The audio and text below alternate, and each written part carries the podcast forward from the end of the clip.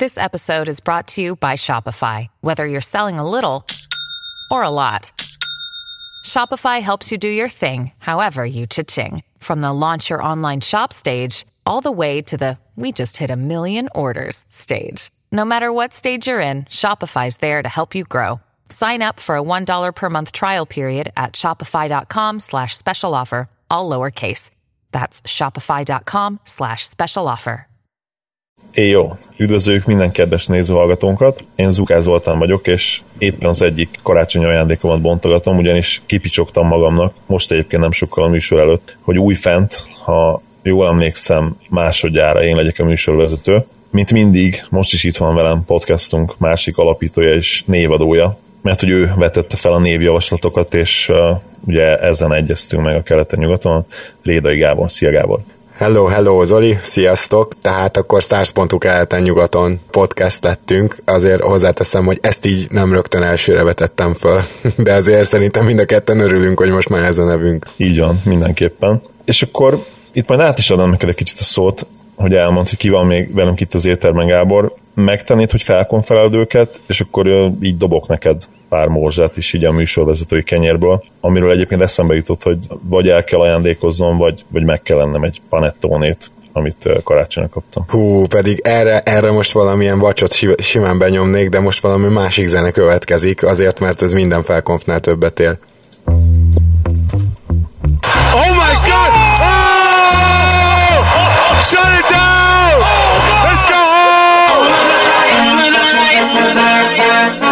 Mean, listen, we talking about practice. Not a game, not a game, not a game.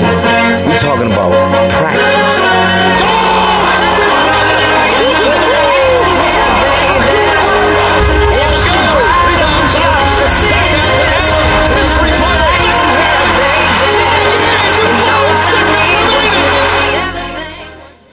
Egy kis retroadás következik, elég sok szempontból. Az egyik az, hogy most nem tudtam a jobb stúdióba bemenni, úgyhogy most a hangminőség ezért lesz nem a megszokott, de ez nem is baj, azt beszéltük itt az adás előtt, ugyanis a Boldont Line-nak a két ilyen alapító podcastelője, szerintem ezt nyugodtan mondhatjuk, szóval ők vannak itt most velünk, Cibok Dániel, szia Dani!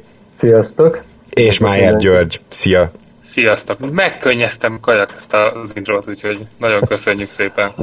Sziasztok, én is üdvözlök benneteket, köszönöm, hogy itt vagytok. És hát akkor ugye nagyon egyszerű oka van annak, hogy, hogy miért vettem fel újra a műsorvezető szerepét, ugyanis csinálunk egy olyan podcastet, amiben Gyuri és Dani a segítségünkre lesznek. A kicsit talán vérmes reményeink szerint ez egy harmadrész nosztalikus, harmadrész hiánypótló, harmadrész szórakoztató műsor lesz, és akkor ezt az egy százalékot meghagyjuk nektek, hogy hozzátegyétek a magatok jelzőjét, reméljük pozitív lesz. Miről van szó? Tehát összeraktuk nektek a top 15 U23-as listát, de kicsit csaltunk, hogy érdekesebb legyen. Minden olyan játékos még szóba jöhetett, akik idén töltötték, vagy töltik be a 23. életévüket, vagy értelemszerűen ennél fiatalabbak. Tehát úgy volt ugye megadva ez a kis szabály nekünk, hogy 94-ben, vagy annál korábban, bocsánat, később születettek, jöhettek szóba.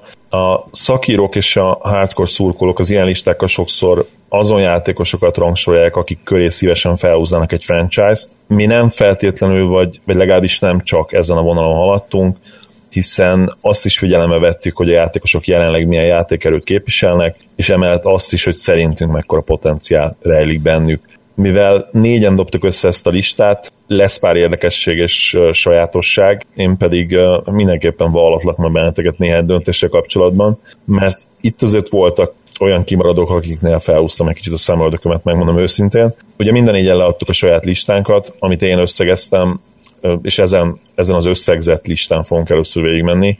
És én azt javaslom, hogy akkor ez a close but no cigar kategóriától haladva, ami ugye azt jelenti, hogy a 18 olyan játékos közül, akiket említettünk, tehát szerintem érdemes lenne a 18-tól haladni előre minőségben és talán érdekességben is. És egyébként az, hogy 18 játékost helyeztünk el a 4-15-ös listán, azt gondolom, hogy rávilágít arra, hogy hogy elég nagy volt az átfedés. Nincs olyan játékos, aki csak egyikünk rangsorolt volna, viszont van négy olyan nevünk, akiket ketten odavettünk, a többieknél viszont a, a feledés merültek, hogy joggal-e vagy sem, azt, azt mindjárt megbeszéljük, mert ezen játékosok értelemszerűen a lista alján kötöttek ki, sőt, közülük többen nem is kerültek be a top 15-be. Úgyhogy a, a 18. nevünk akkor, ahogy megbeszéltük, visszafele haladunk, az Laurie Markkanen. És akkor mondom, hogy ki hova helyezte el. Aki Gábornál 15 lett, mi hármunk pedig nem rangsoroltuk, tehát sem Daninál, sem Gyulinál, sem pedig nálam nem került fel a 15-ös listára. Akkor mivel Gábor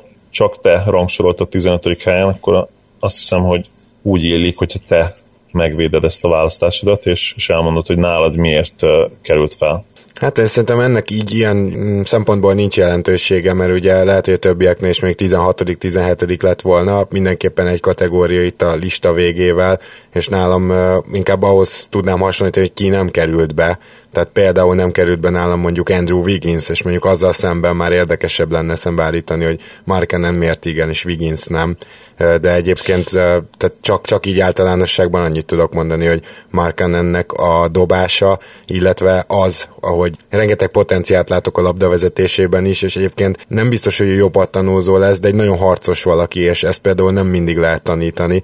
Szóval, hogy ő egy ilyen potenciálbomba, nagyon úgy tűnik, sokkal-sokkal jobb már az első évében évében, mint azt vártuk, sokkal hamarabb alkalmazkodott az NBA-hez, és összességében ez egy olyan típusú játékos az új ligában, vagy hát a most kialakuló trendek szerint, aki egy franchise-nak is lehet a meghatározó játékosa, még ha talán nem is első számú. Egyetértek veled, és valószínűleg nálam is egyébként ott lett volna. Hát a top 20-ban mindenféleképpen.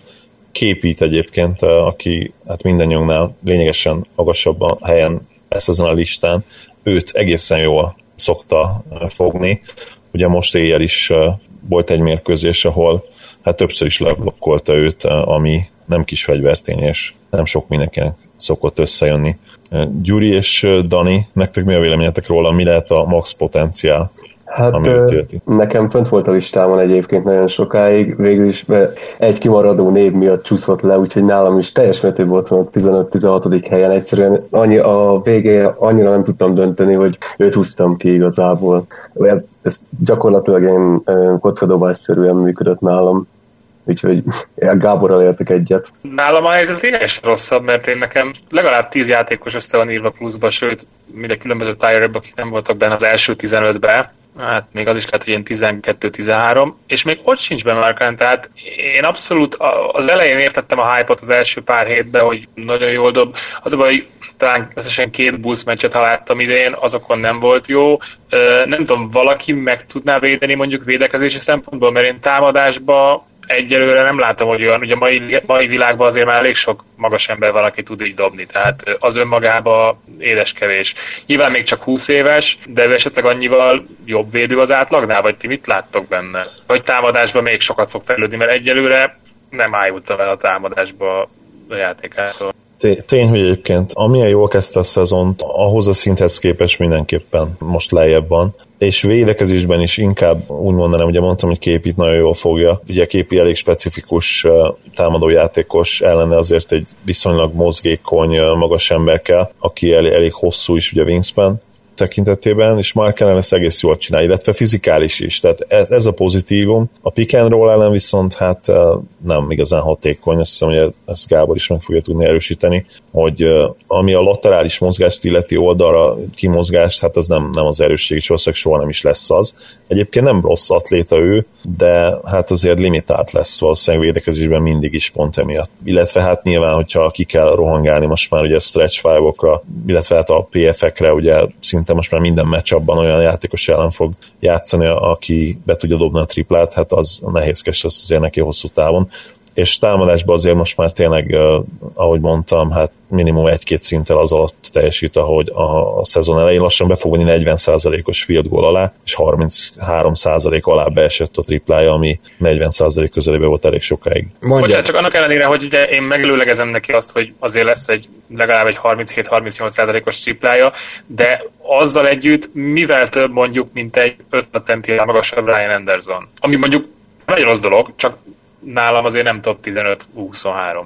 Tehát mivel tud többet? Tehát ő annyival jobb labdavezető. Szerintem már most jobb labdavezető egyébként, tehát hogy abban mindenképp. Tehát abban... Meg, meg midrange jumper terén azért szerintem lényegesen jobb. Tehát Anders mondjuk az is igaz, hogy Anderson olyan szerepben van, ahol nem is nagyon Igen, en- engedik neki, hogy, hogy elvállalja a középtávolikat, szóval nehéz ugye megítélni őt ebben a szempontból. Szerintem pattanózásban is jobb lesz, szinte már most kimerem jelenteni, hogyha már Andersonhoz hasonlítjuk. Védekezésben már most jobb, mert Anderson nagyon rossz. Igazából most a Dangdomban hallottam Andersonról egy ilyen kis nagyon rövid eh, eszmecserét, hogy picit a védekezését megváltoztatta. Az nagyon érdekes, hallgassátok meg, nem felteszi a kezét, amikor kisebb ember van előtte, hanem, hanem kinyújtja előre, és így próbálja zavarni, és hogy ez állítólag bejött neki, de ettől függetlenül a Zoli által is említett laterális mozgásban nála például jóval jobb szerintem már most Markenen, és azt, hogy a pick and nem tudja fogni, hát mutass nekem egy olyan ruki magas embert, mondjuk Embiden kívül, a tavalyi Embiden kívül, aki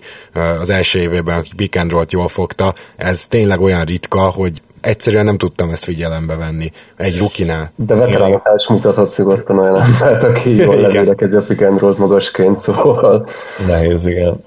Igen, ember... nehéz nyilván ilyen sokat beszélni, mert úgyse, tehát ugye minden csapat függő részben, szituáció függő, ugye gondolom, ebben egyetértünk, hogy borzasztó sok függ attól, hogy ki milyen csapatban milyen szerepbe játszik, és pláne egy új asztal, akit még csak egyetlen egy csapatban, egyetlen egy szerepbe láttunk, és még az sincs kikristályosodva, tehát Lutri szempontjából abszolút megértem, hogy Mark Allenben van a 15-ben. Hmm. Tehát... Na hát igen, összesen so... pedig akkor 18 lett csak uh, itt mindannyiunknak az összesített listáján. Igen, összességében akkor így, hát ugye...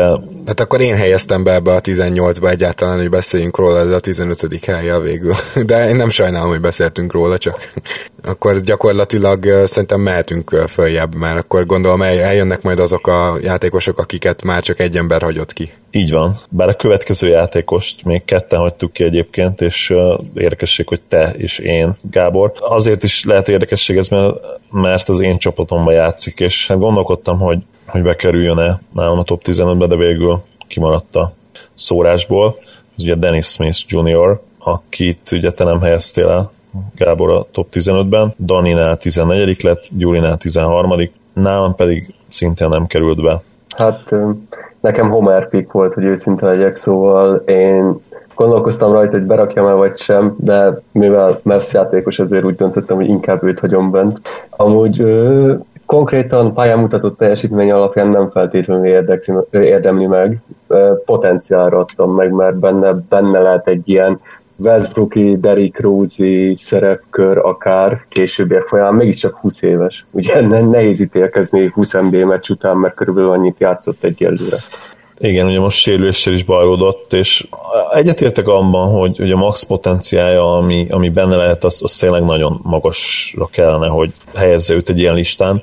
A problémám az, hogy, hogy pont emiatt a, az elképesztő atletikusság miatt, illetve az a szemlélet, amivel ő pályára lép, az, az nagyon-nagyon veszélyes itt a testi épsége szempontjából, és én megmondom őszintén, hogy eléggé félek attól, hogy, hogy hát az ő pályafutása is sérülésekkel tarkított lesz. Ez is egy kicsit belejátszott abba, hogy, hogy nem helyeztem el a top 15-be, annak ellenére, hogy egyébként minden eszköze, fegyvere megvan ahhoz, hogy tényleg akár top 5-ös irányító legyen egy nap az NBA-ben. Na most Jó, akkor hát én is hogy védjem ezt meg. Dobni, az biztos. Micsoda? A, dobnia meg kell tanulni, mert anélkül nem nagyon fog menni, mert egyelőre az, az nem igazán megy, mert nem tudom, Zoli, ezt jobban tudod, de ilyen 40% alatt van bőven mezőnyből, meg a true shooting se lehet 50%-nál több. Még annyi se vagy még annyi se igen, úgyhogy ez egyelőre ilyen szempontból tényleg elég katasztrófa. Én a sérülések miatt még egyelőre nem aggódok, ugye láttunk mindenféle példát, mert ott van Westbrook például, aki ugyan egy fél, egy, hát három negyed szezont kihagyott egyszer sérüléssel tíz év alatt, de így gyakorlatilag ennyi. Meg ott van Derrick Rose a másik példa, aki meg nem tud egészséges lenni nyolc éve, úgyhogy ez a bármelyik lehet a kettő véglet között igazából. Azért, én pozitívan állok hozzá inkább. Azért azt én egyértelműen megvédeném, hogy miért hagytam ki, mert ennek jó oka van. Tehát, hogy ahogy érkezett, ugye, gyakorlatilag megvolt nála elég jól körülhatárolhatóan, hogy ő milyen típusú irányító, és most nem is a saját cikkemre akarok utalni, hanem minden, a, ha, ha scorernek nevezzük, ha pick and roll scorernek, ezt egyébként most, most így azokkal után, amit láttam tőle, ezt még nehezen tudjuk elhelyezni, de Zolival megegyeztünk, hogy inkább scorer.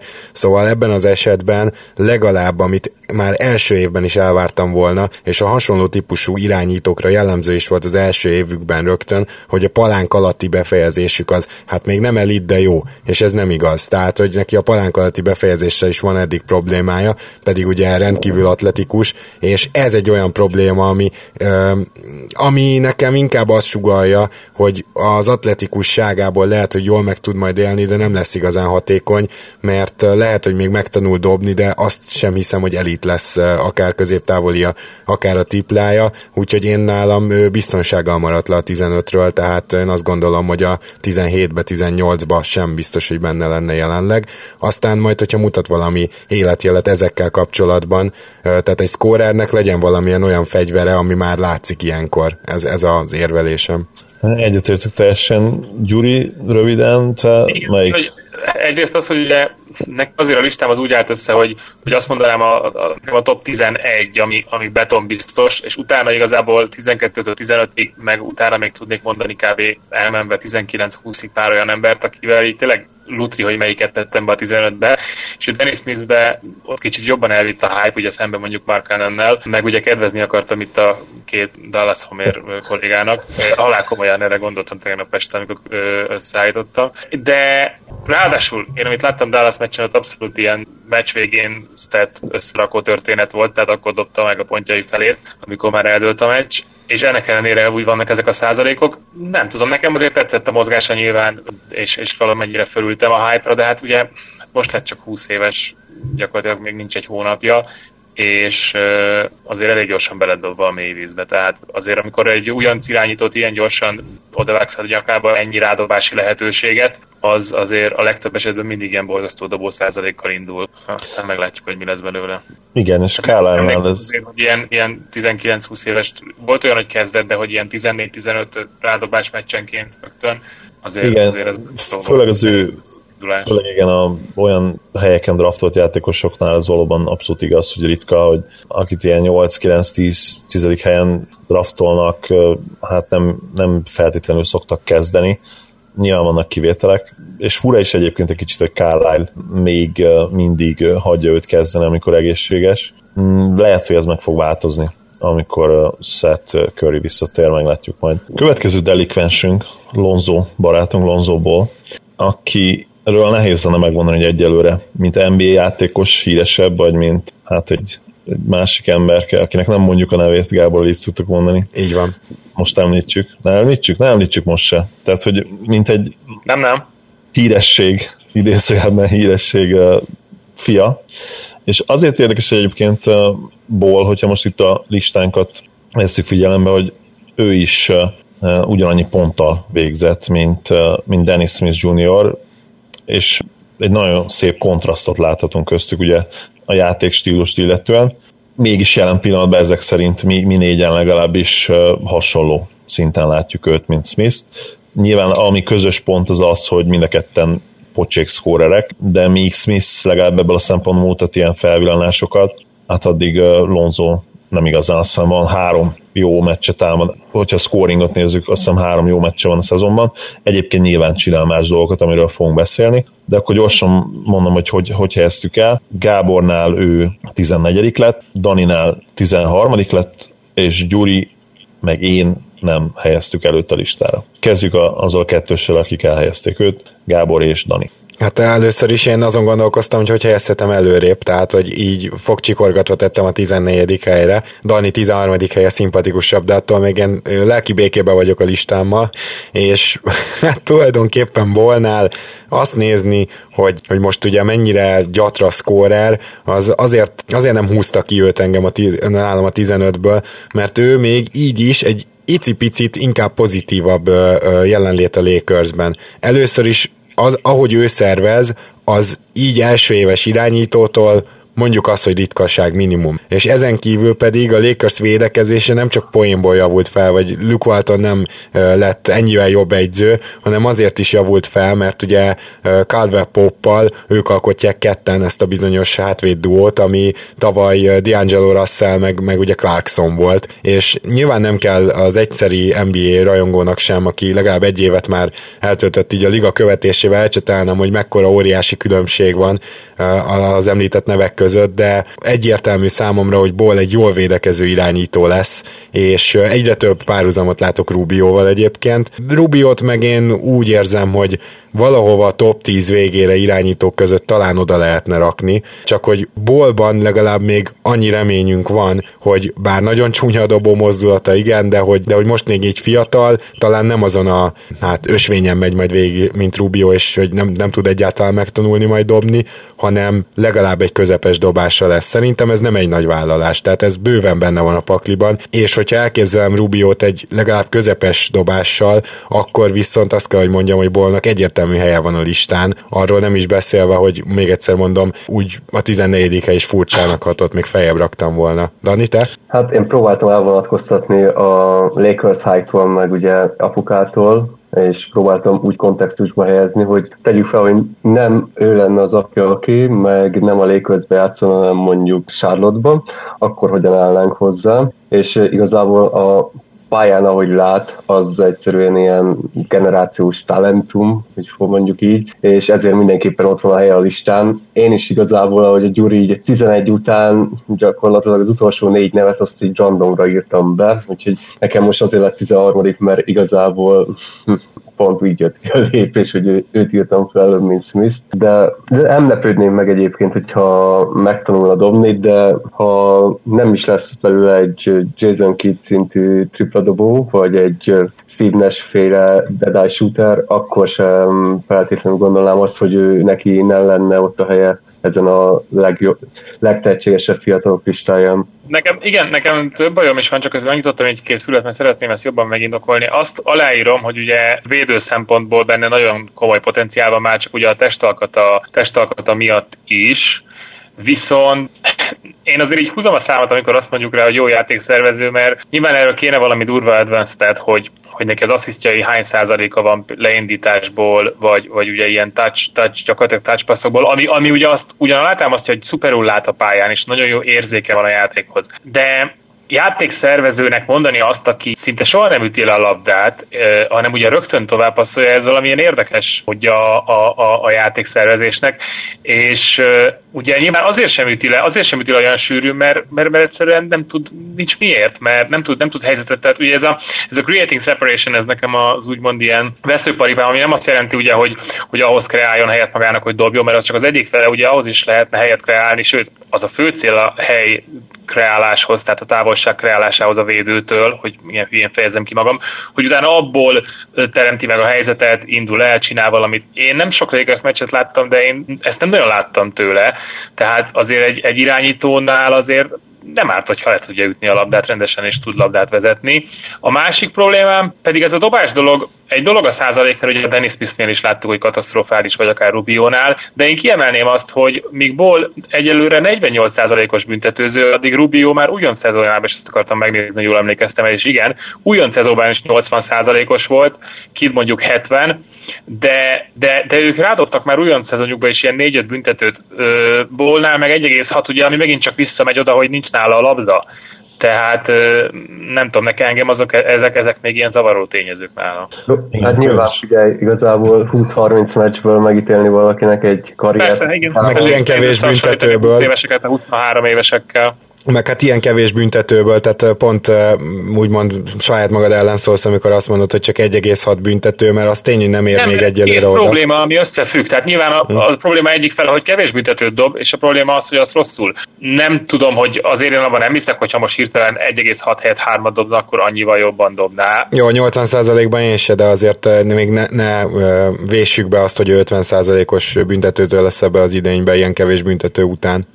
Azt meg azért hozzátenném még érdekességként, hogy volt mostanában elég sok jó scorer meccse, most megnéztem a game logot, viszont azzal együtt, hogy jó scorer meccsé voltak, a Lakers az utóbbi tízből, vagy jó, most kettő nem játszott, de lényeg az, hogy szinte az összeset elveszítette, és a turnoverek is erőteljesen megsokasodtak a scoring előtt. Nem tudom, hogy ez nem, elvileg nem kéne, hogy összefüggjön, de az utóbbi 7-8 meccsén szinte mindig ilyen 5-6 labdát adott el, tehát ez még egy érdekes folyamat, hogy ez marad-e, vagy, vagy, vagy, vagy visszamegy arra a kevés turnoveres Ez rookie betegség igazából, szóval majdnem minden rookie rengeteg labdát ad el, akinél sokat is van a labda. Úgyhogy ebből se indulnék. Igen, de ez az, hogy ugye, ugye minden összefügg, minden nála nem volt sokat a labda, és lehet, hogy most ha kicsit többet kezd nála lenni, és akkor jön elő ez a probléma. Tehát, és ugye ezért is félek Boltól, hogy ha elkezdi esetleg úgy szervezni a játékot, hogy többet van nála a labda, akkor lehet, hogy megnőnek a eladott labdák is erőteljesen, tehát ezt még azért megvárnám. Kicsit hadd reagálják mindenre, amit mondtak, de röviden. Nála büntetőkkel kapcsolatban már azért az egyetemen is voltak problémák, a 67%-kal dobta őket, ami nyilván sokkal jobb, mint a jelenlegi, de arra azért rávilágít, hogy büntetőből sem jó dobó, vagy akár átlag, átlagos, mert ugye irányítóktán azt szerintem bőven az a 67% bőven átlag alatt lehet. A másik, amit Gyuri mondott még, hogy, hogy miért nem tör be ő. Nyilván az egyik fele az, hogy a Gilbert Arenas-nak volt egy nagyon jó videója erről egyébként, ahol elmagyarázta, hogy mi a probléma, mik a fő problémák, mert hogy több is van vele Lonzónak a, a dobásával. Ugye nem csak az, hogy lassú, és hogy nem magasról engedi el, hanem ugye van ez a hülye mozdulat is benne, hogy a jobb oldalról át kell vinni a bal oldalra, ami, ami tengernyi problémát terem. A másik dolog pedig az, hogy valóban nincsen elit első lépése, ahogy mondani szokták, ugye ez a creating separation, amit mondott, hogy Gyuri, ennél nagyon fontos az. És azt szokták mondani, hogy az elit periméter játékosoknál ez az első lépés az, ami hát nagyon komoly vízválasztó. Ugye d például ez az első lépése minden idők egyik legjobbja MJ-nél is, mondhatjuk LeBronnál is nagyon erős ez egy kis csatárhoz. Úgyhogy ez sajnos Lonzónál nincs meg, és ez még tovább limitálja őt, és akkor még gyorsan is reagálnék, amit Gábor mondott, hogy, hogy védekezésben tűnik egyelőre jobbnak, illetve ott értékes lehet, és ez a, az RPM statokból is egyébként látszik, mert támadásban ő egyelőre net negatív, tehát amikor a pályán van, akkor a Lakers támadójátéka rosszabb, mint, mint akkor, amikor nincs pályán, de viszont a védekezésük az jobb tehát uh, ott tud segíteni, ahogy Gyuri is mondta, hogy a méretéből adódóan is, ugye 194-5 centi környékén van, tehát ilyen kid magasság, és elég hosszú karjai vannak, és okos védő is egyébként, úgyhogy őt ott lehet hagyni, akár még bizonyos kis csatárokon is némely támadáson belül, de irányítókon és dobóhátvédeken egészen jól el van. Azt hiszem, hogy akkor ki is beszéltük Lonzót, egyértelmű, hogy komoly potenciál van benne, meglátjuk, hogy, hogy mire tud menni a következő években. Én is azért egyébként drukkolok neki, mert nem lenne fel az, hogyha leírjuk őt az apja miatt, illetve neheztelünk el, mert tényleg nem, tett semmiről ebből a szempontból. És akkor a következő kiválasztottunk, aki hát szintén egy érdekes figura egyébként, az Andrew Wiggins, aki hát elég, elég megosztó volt, ami a szavazásokat illeti ugye Gábornál nem került fel a top 15-ös listára, illetve nálam se, és ez valószínűleg nem véletlen, mert hát mi elég sokat elkézzük őt, és nem vagyunk túl jó véleményen róla, és mi azt gondoljuk, hogy jogosan. Ehhez képest Dani a tizedik, Gyuri pedig a tizenkettedik helyre rangsorolta őt, úgyhogy itt szerintem egy érdekes beszélgetés lett ebből, hogy, hogy vajon mi az, ami alapján ők Wiggins-t ilyen magasra rangsorolták, míg azt gondolom, hogy azt a néző hallgatóimat tudják, hogy mi miért nem tettük fel a listára. Viszont én Danit kérném meg, hogy ő beszéljen először, mert Dani, te azt mondtad, hogy a 11. helytől lefele van egy ilyen kavarodás, hogy bárki lehetne, vagy nem tudom, 12-től, de az biztos, hogy még egy fakkal följebb raktad, rangsoroltad wiggins ami számomra bomba meglepetés, és szerintem ezt indokold meg, hogy nem csak az, hogy egyáltalán a listán van, hanem már ott a középső harmadában a listának. Hát az az igazság, hogy Wiggins még mindig nagyon fiatal, és még mindig nem láttuk egy igazán jó edzőnél játszani, aki én úgy gondolom, hogy ki tudja belőle hozni feltétlenül a maximumot. Ami biztos, hogy egy elit scorer lehet belőle hosszú távon. Legalábbis nekem ez a véleményem, most itt megnyitottam éppen a statjait. Ugye tavaly 82 meccsen játszott 3000 percet, ami azért nem mondanám kevésnek, szerintem ezzel ilyen top 3 volt, nem? Játszott percek szempontjából. Az biztos, hogy top 5-ben, mert a fél Minnesota kezdő ott volt a top 5-ben játszott percek szempontjából, úgyhogy azt megbízhatóan mondhatjuk. Igen, hogy, igen. igazából tényleg az, hogy még mindig csak 22 éves, most lesz 23 majd februárban, úgyhogy gyakorlatilag ez a nyers potenciálra raktam én be így a tízbe igazából.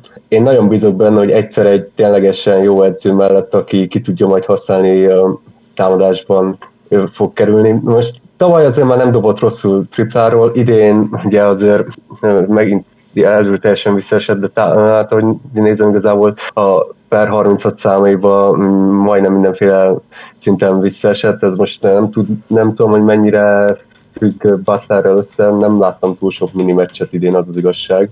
Úgyhogy én ezt konkrétan úgy gondoltam, hogy öt év múlva ő lehet ott a liga elitjében, mint egy mint egy támadó játékos. Most a védekezése az nyilván hogy némi kivetni valót maga után, de ezt is be tudom igazából a mini rendszerének, mert ha azért visszaemlékeztek rá pár évvel ezelőtt, ő úgy került a ligába, hogy belőle aztán majd micsoda elit perimétervédő lesz, aztán ugye ebből még nem igazán sikerült látnunk semmit. Most ez, ez én azért az egész rendszernek is betudnám, hogy valószínűleg egy Popovics rendszerbe, vagy egy Budenholzer rendszerbe nem gondolnánk rá úgy, hogy mint egy rossz védőre, legalábbis mindenféle fizikai adottsága megvan hozzá. Úgyhogy én be, belőle is egy ilyen igazi late doomert látok, mint mondjuk Jimmy Butler, aki mondjuk 25 éves koráig egy ilyen jobb esetben a hatodik ember szerepkörben játszott, amikor így egyszer csak kirobbant belőle ez a superstar potenciál,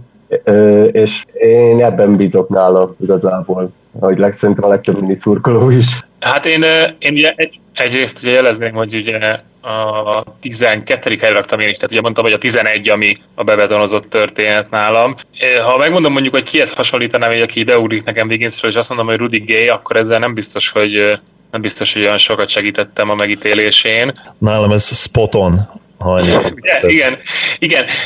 Viszont ugye ebből a szempontból, ha Rudigéhez hasonlítanak, az is benne van, hogy mindig ott volt azért még két, három-négy évvel ezelőttig is, hogy talán majd egyszer kihozza magából. Ugye Wigginsnek erre még van egy pár éve.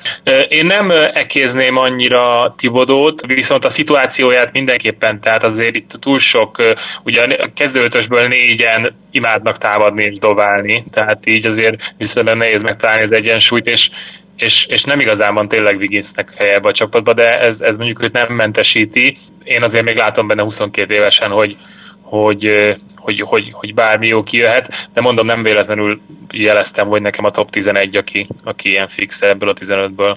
Gábor? Hát igazából hozzátehetném azt, amit másokszor hozzátettem, számomra a védekezése az annak ellenére is aggasztó, hogy egyetértek Danival, hogy egy inkább atletikusságra épülő védekező rendszerben valószínűleg jobbat tudna játszani, és még ehhez hozzáteszem azt, hogy, hogy még ez a szezon visszaesés, ez, ez ami most működik, ez gyakorlatilag eldöntötte nálam, hogy ne kerüljön fel a listára. Nem is látok igazából még ilyen sok raw potenciált benne, vagy raw potential benne, mert hogy hát amit én néztem vele kapcsolatban, hogy volt egy fejlődés az első és a második éve, vagy második, harmadik között, most hirtelen nem emlékszem, de olyan jelentős fejlődést védekezésben egyáltalán nem látsz, támadásban pedig kicsit azért a, hm, hogy is mondjam, csak a hatékonyságot nem tudott növelni, de egyébként több usage általában jobb statokat hoz. Hát a Rudy Gay nem rossz, de lesz még olyan játékos, akit hasonló kategóriába sorolnék ezen a listán.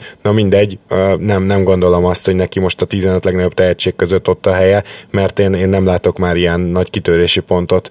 Támadásban sem hiszem egyébként, hogy ő valaha ilyen nagyon konstans éveken keresztül meghatározó elit játékos lesz. Ha csak nincs meg benne az, ami Derozanban, hogy évről évre fejlődik, és mondom, ezt eddig úgy azért nem merném kijelenteni. Én azt gondolom, hogy nagyon nehéz valakit leírni 22 évesen, de hogyha van valaki, akit le lehet írni, és meg lehet ezt kockáztatni, akkor az Andrew Wiggins, megmondom miért. Ő az egyetemi éve óta notórius alul teljesítő. Tehát most már 5 éve, ugye ez a negyedik szezonja az NBA-ben, plusz az egyetem évvel, akkor az ugye 5 év, most már ötödik éve folyamatosan ugyanazokat a gondolatokat kell, hogy elmondjuk vele kapcsolatban.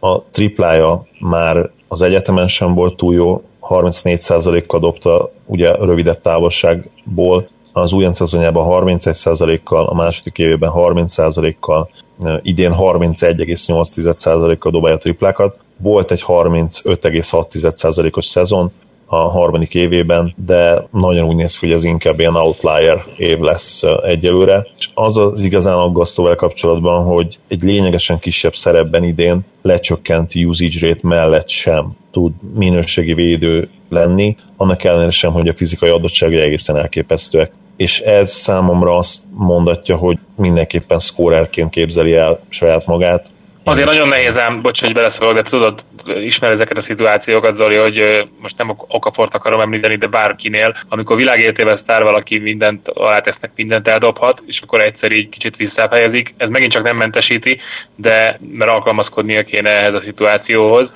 de, de nyilván nem erre számított. Ugye ott van a Miley és Serpegy másik oldalában egy szám, ennyit mondok, és akkor én vissza is dobom a labdát, 148 millió dollár. Igen, egyébként teljesen igazad van ebbe. A probléma az, hogy ezért most ott van már egy Jimmy Butler, aki hát most már ilyen úgymond befutott sztár az NBA-ben, és ott van egy Towns, aki bár szintén kolosszálisan rossz védő, Wigginshez hasonlóan, azért támadásban szintén mondhatjuk, hogy top 5 talent az NBA-ben, és hogyha még így sem tudja félretenni az egóját támadásban, hogyha most csak arra koncentrálunk, és kicsit jobban megszakadni védekezésben, vagy akár lepattanózásban egyébként, mert ott is vannak problémák, hát az, az, az számomra elég bajos, és ugye semmi más nem nyújt, mert playmaking terén is gyakorlatilag nulla ő a posztján, nem igazán tud, tudja asszisztálni a többieket, és tényleg most már öt éve ugyanazokat a gondolatokat mondjuk el róla, mert, mert az egyetem éve óta el lehet ezt mondani. Értem, hogy miért bíztok még mindig benne, de ugyanakkor azt gondolom tényleg, hogyha valaki... Nem, annyit én hozzátennék egyébként, hogy meg ez az egész histáros hogy nem feltétlenül azt mondom, hogy annyira bízok benne, de ha belegondolsz, ugye akik sokkal-sokkal lejjebb vannak, mint ő, mint tehetségűteni jelenlegi állapotukba, az, hogy én azt mondom, hogy nem lesznek jobb, mint a Wiggins, az nem azt jelenti, hogy nem fognak még nagyon sokat fejlődni. Tehát azért, ahol ő most áll, jelenleg nem véletlenül kapott 148 millió dollárt, az, az érhet úgyis egy 12. helyet ezen a listán, hogy nem nézem ki belőle, hogy ötszörös all lesz. Tehát a kettő nem zárja ki egymást. Ebben mondjuk abszolút nem értek egyet. Tehát az ő mostani teljesítménye szerintem nem és nem csak úgy szerintem, szerintem megegyezhetünk ebből, hogy biztos, hogy nem kerülne rá arra a 15-ös listára sem, ahol mondjuk csak ezt az évet nézzük. Én, én majdnem biztos vagyok ebben, hogy, hogy nem. Tehát most ha, ha végigmész gyorsan, mit, mit csinálnak egyértelműen jobb szezonja van, Tézumnak egyértelműen jobb szezonja van, jó, hát ők előrébb is vannak neveket, igen, tehát jó, persze, csak mondom, hogy uh, nehéz. Ha nem véletlenül kapott 148 milliót, tehát nyilván nem véletlenül, hanem mert egy jó nagyot hibázott a, a gyakorlatilag a, a Minnesota ezzel, tehát hogy nem, nem azért, mert hogy ő, ő rá ez a 148 millió, az egy ilyen tuti jó bet, és nem is értek vele egyet, szerintem hiba volt. Ja, én sem értettem egyet, abszolút nem. És sőt, vissza, nem sőt, hanem ennek ellenére azt mondom, hogy nem kizárt, hogy el lehet majd cserélni uh-huh. és lesz, aki bevállalja majd még 23 évesen. Ebben egyetértünk. Igen, ez Zolival is ezt beszéltük annó egy boltéket, akkor itt be is mondok, hogy tuti el lesz cserélve még ez a jövőre indul neki a szerződése, ugye, és öt év. Igen, igen, azt gondolom, akkor előtte nem lehet még, vagy legalábbis ilyen poison Lehet, csak poison pill lehet. Mindegy, a következő öt és fél évben biztosan el lesz cserélve Minnesota-ból. Hát és... ez nem olyan volt. Nem olyan volt, igen. Nem ez a volt, hanem hogy nekem lesz igazam azzal, hogy tényleg kijön belőle egy all potenciál ja. A szerződés vége felé, majd amikor ilyen 25 éves lesz. Ezt mégis tekintetjük boldnak, mert... Hát a, eddig, most amennyit is mondhatok, ahhoz képest ugye én mindenképpen pozitívabban állok hozzá, úgyhogy... Jó, mert mondjuk azt tegyük hozzá, hogy azért voltak már pocsék all az all kiválasztások történetében. Ritka, de azért időnként megtörténik. Tehát például egy Mo Williams, ha jól emlékszem, elég pocsék választás volt, vagy ugye Mag- Magloire, igen, vagy Chris Kamen. Ezt akartam, én még össze tudok menni Magloárig és Chris Gatlingig is. Ó, Gatling tényleg. Gatling viszont nem volt, ha jól emlékszem, rossz játékos benne, elég komoly. Hát az a fél szezonja volt egész életében. Igen? Akkor olyan lehet, hogy a rossz emlékszem. Akinek még talán fél jó szezonja se volt, az a, az a következő kiválasztottunk. Bár, hogyha most már közeledünk a szezon felezőhöz, talán akkor az idejéről elmondhatjuk, ez Jamal Murray, aki számomra egy kicsit megmondom meglepetés, hogy ilyen magasan végzett a listánkon. Ugye akkor, ha jól nézem, akkor ő lett a 14 Őt, őt Gábor a tizedik helyre rangsorolta, ami számomra meglepően magas. Dani nem helyezte előtt a listán, ami, ami viszont nem meglepő, azért Murray elég ilyen under the radar, radar játékos, hogy mondani szokták ki. Gyuri is, és én is a 15. helyre tettük őt. Igen, abszolút under the radar, de én a konstans fejlődést látok. Tehát úgymond egy ilyen normálisan, hagyományosan fejlődő, 19 évesen bekerülő, tehát ennél többet nem nagyon várhat az ember, hogy letesz valaki egy viszonylag átlagos újon szezon 19 évesen, most 20 éves, és azért az idei számai azért, azért, azért nagyon-nagyon szépek. Nyilván sok mindenben lehet fejlődni, akár a tripladobást, akár az irányítói képességeket nézem, de, de nem mondom nálam ez a konstans fejlődés 19-20 évesen ez meggyőzött. Igen, akkor mondjuk el, hogy ezeket a számokat gyorsan, 15,3 pont, ami majdnem 6 pontos fejlődés, 5,4 pontos fejlődés, 92%-kal büntetőzik, ami egész hihetetlen, ott van ugye ez az abszolút elitben ebből a szempontból, és 44%-kal dob a mezőnyből, 36%-kal triplázik, ami már az a szint, ahol érdemes sokat vállalni, vagy legalábbis ugye ezt a 4-5 kísérletet, ami, amitől feltesz, és 56%-os TS-sel dolgozik idén, ami a tavalyi 52%-hoz képest egyértelmű előrelépés, és már Én még hozzátenném azt, bocsánat, hogy felett. december hónapra, ami ugye egy komplet hónap Igen. már, hogy lezárult gyakorlatilag, ott 18 pontot átlagon 47 kal és tripla pedig 49 százalék. Igen. Tehát azért mondom ezt a javuló tendenciát. Pont ezt akartam mondani, amikor felsoroltad a statokat, Zoli, hogy, hogy ugye nekem kell itt leginkább megindokolni a tizedik helyet, ami magasan van, hogy mm, nem tettem volna a szezon elején így, de, de a szezon elején igazából két-három rosszabb hete volt. És ehhez hozzáteszem azt, hogy nem lehet könnyű az, hogy kettesként érkezel, szkórekként érkezel, de egyszerűen a méreteid minden miatt még időben felismeri a vezetőség, mert szerintem ez történt, és ez nem tudom, hogy Melon számlájára indható-e, vagy máséra, de az egy jó döntés volt, hogy, hogy a akkor belőle irányítót kell faragni, és, és gyakorlatilag elkezdesz ahhoz alkalmazkodni. Ez baromi nehéz lehet egy ilyen fiatalnak, aki nem igazán játszott irányítót korábban. Tehát ebbe belegondolva ez a fejlődési szint, és főleg én is megnéztem most a november-decembert, egészen elképesztő, hogy hova tart ez a csávó. A másik fontos dolog pedig az volt, hogy ugye amikor én az irányítókat bekategorizáltam nem olyan rég egy cikkben, akkor őt én már igazából ebből a Curry, Lowry-szerű shooter szervező következő kasztba tettem, ami szerintem gyakorlatilag az egyik legjobb kaszt, ami lehetséges most irányítónak, tehát ebbe belefejlődni. És mivel lefelé megy, és ez egy olyan fontos irányító típus véleményem szerint a modern NBA-ben, ezért gyakorlatilag, ha nem is a csillagaség a határ, de neki lehet, hogy nem kell majd olyan dolgokban fejlődnie, ö, ilyen hatalmasat,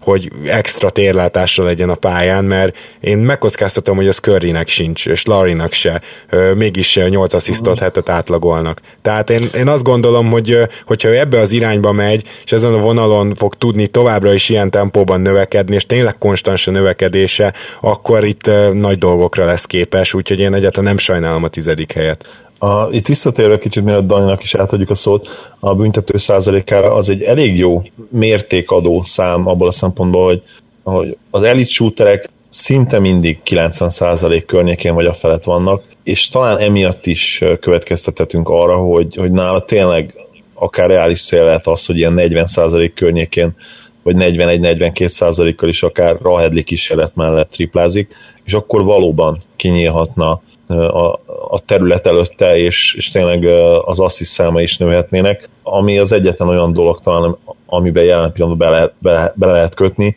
Nyilván hát a védekezése mellett nem, rossz, nem olyan rossz védő, szerintem idén egészen jó dolgokat csinál, de azért nyilván még az a terület az, ahol jelentősen fejlődnie kell a, a playmaking, a passzjáték mellett. Nálam is fent volt a bővített listán, gondolkoztam rajta én is. Nekem az a legnagyobb problémám vele, hogy én nem igazán látom benne, hogy valaha all-star, vagy ilyen igazi sztár poten, sztár legyen belőlem. Őt én valahogy úgy tudom elképzelni, hogy ilyen Wes Matthews féle stabil kezdő, ő a negyedik, ötödik legjobb kezdő játékos volt a csapatban, akkor nincs rossz helyed a csapatban játékos, amivel igazából az az egy problémám van, hogy nem látom benne, hogy olyan magas lenne a plafonnál. Nekem ezért maradt le. Nyilván tök jó, hogy 90%-kal büntetőzik, de nem dob rá hármat meccsenként, úgyhogy azért ez a 80 darab büntetőkísérletből, vagy 90-ből, amit rádobott idén, nem feltétlenül gondolnám ezt akkora mérvadónak, amikor a triplái meg annyira azért nem kiemelkedők egy Hát igen, de engem meg pont, hogy a decemberi triplázás győzött meg. Most nyilván az csak egy hónap, de azért nem a szezon kezdő hónap, amikor lehet ilyen fluk, hanem igen. azért, a, azért ez közel 50 százalék, most tudom, elég sok rádobással. Igen Nyilván még nagyon fiatal, de mondom én inkább azt nézem ki belőle, hogy nekem mondom, ezt Matthews jutott eszembe róla, vagy hát jut róla eszembe így leginkább. Nem olyan rossz a sérülés előtti Wes Matthews, ami, ami, egy nagyon jó játékos, azt mondom, csak ő azért nem a franchise arca, és ő tényleg a harmadik, negyedik, ötödik legjobb játékosod kategória nálam legalábbis, de lehet, hogy ebbe az is közrejátszik, hogy a Denver tényleg nagyon periméteren van, és nincsenek állandóan szem előtt, és én sem nézem feltétlenül annyi Denver meccset, ez is közrejátszott, én nem mondom, hogy elfogult vagyok, mert mindenki az, de így nekem végül is így kimaradt, de ő is mindenképpen a 20-ba odaraknám, hogyha a 20-as listát csináltunk volna. A következő játékosunk a listán hasonló ebből a szempontból, ő is ilyen Under the Radar csapatba játszik, amelyet nem feltétlenül minden héten vetünk figyelembe. Ugye Donovan Mitchellről van szó. Közben itt történt egy kis technikai hiba a listánkon. Ugye ez történik, amikor rábízzák valakire az ilyen listák összegzését, aki annyira kiváló matekból, mint én. De a lényeg az, hogy Mitchell, Donovan Mitchell a következő játékosunk, és az egyik hőnknél Daninál volt egy ilyen kis malőröző helyezését illetően, de összességében nem igazán befolyásolja, tehát Donovan mitchell megyünk tovább, akit Gábor nem helyezett el a listára, Dani ugye akkor szintén nem, és Gyurinál pedig a tizedik helyen, nálam pedig a tizennegyedik helyen végzett. Hát akkor ez Gyurinál van szerintem nagyon magasan, tehát Én akkor... Abszolút, nálam ugye eddig, ahogy eddig is említettem, a top 11-em az nála, a nálam a Beton 11, tehát abban benne van bőven. Annak ellenére, hogy ugye 21 éves, tehát relatíve a mai világban idősebb újoncnak számít, visszadobnám én a labdát. Mikor láttatok ilyen újonc szezont, akire nem mondtátok rá, hogy ne lenne top 10 prospect? Hát, hát, uh, ilyen d összehasonlításokat olvasok mostanában. Nyilván nem annyira jó, mint D-Wade. menni, szerintem akkor is beleférhet a top 10 prospect, de hát... Megmondom, hogy stílusban, méretben, nyilván kicsit más a játéka, mert uh, atletikusságban mindenképpen hasonló Dívéthez, meg úgy fizimiskára is ez a, ez a kiemel, kiemelkedően atletikus, uh, robbanékony srác, aki, aki olyan magabiztosságot tükröz Um, Igen, ezt akartam pont mondani, a fejbe azért ő borzasztóan erősnek tűnik, nem tudom mennyire fékez, de, de én szerintem ő nagyon erős fejben, tehát...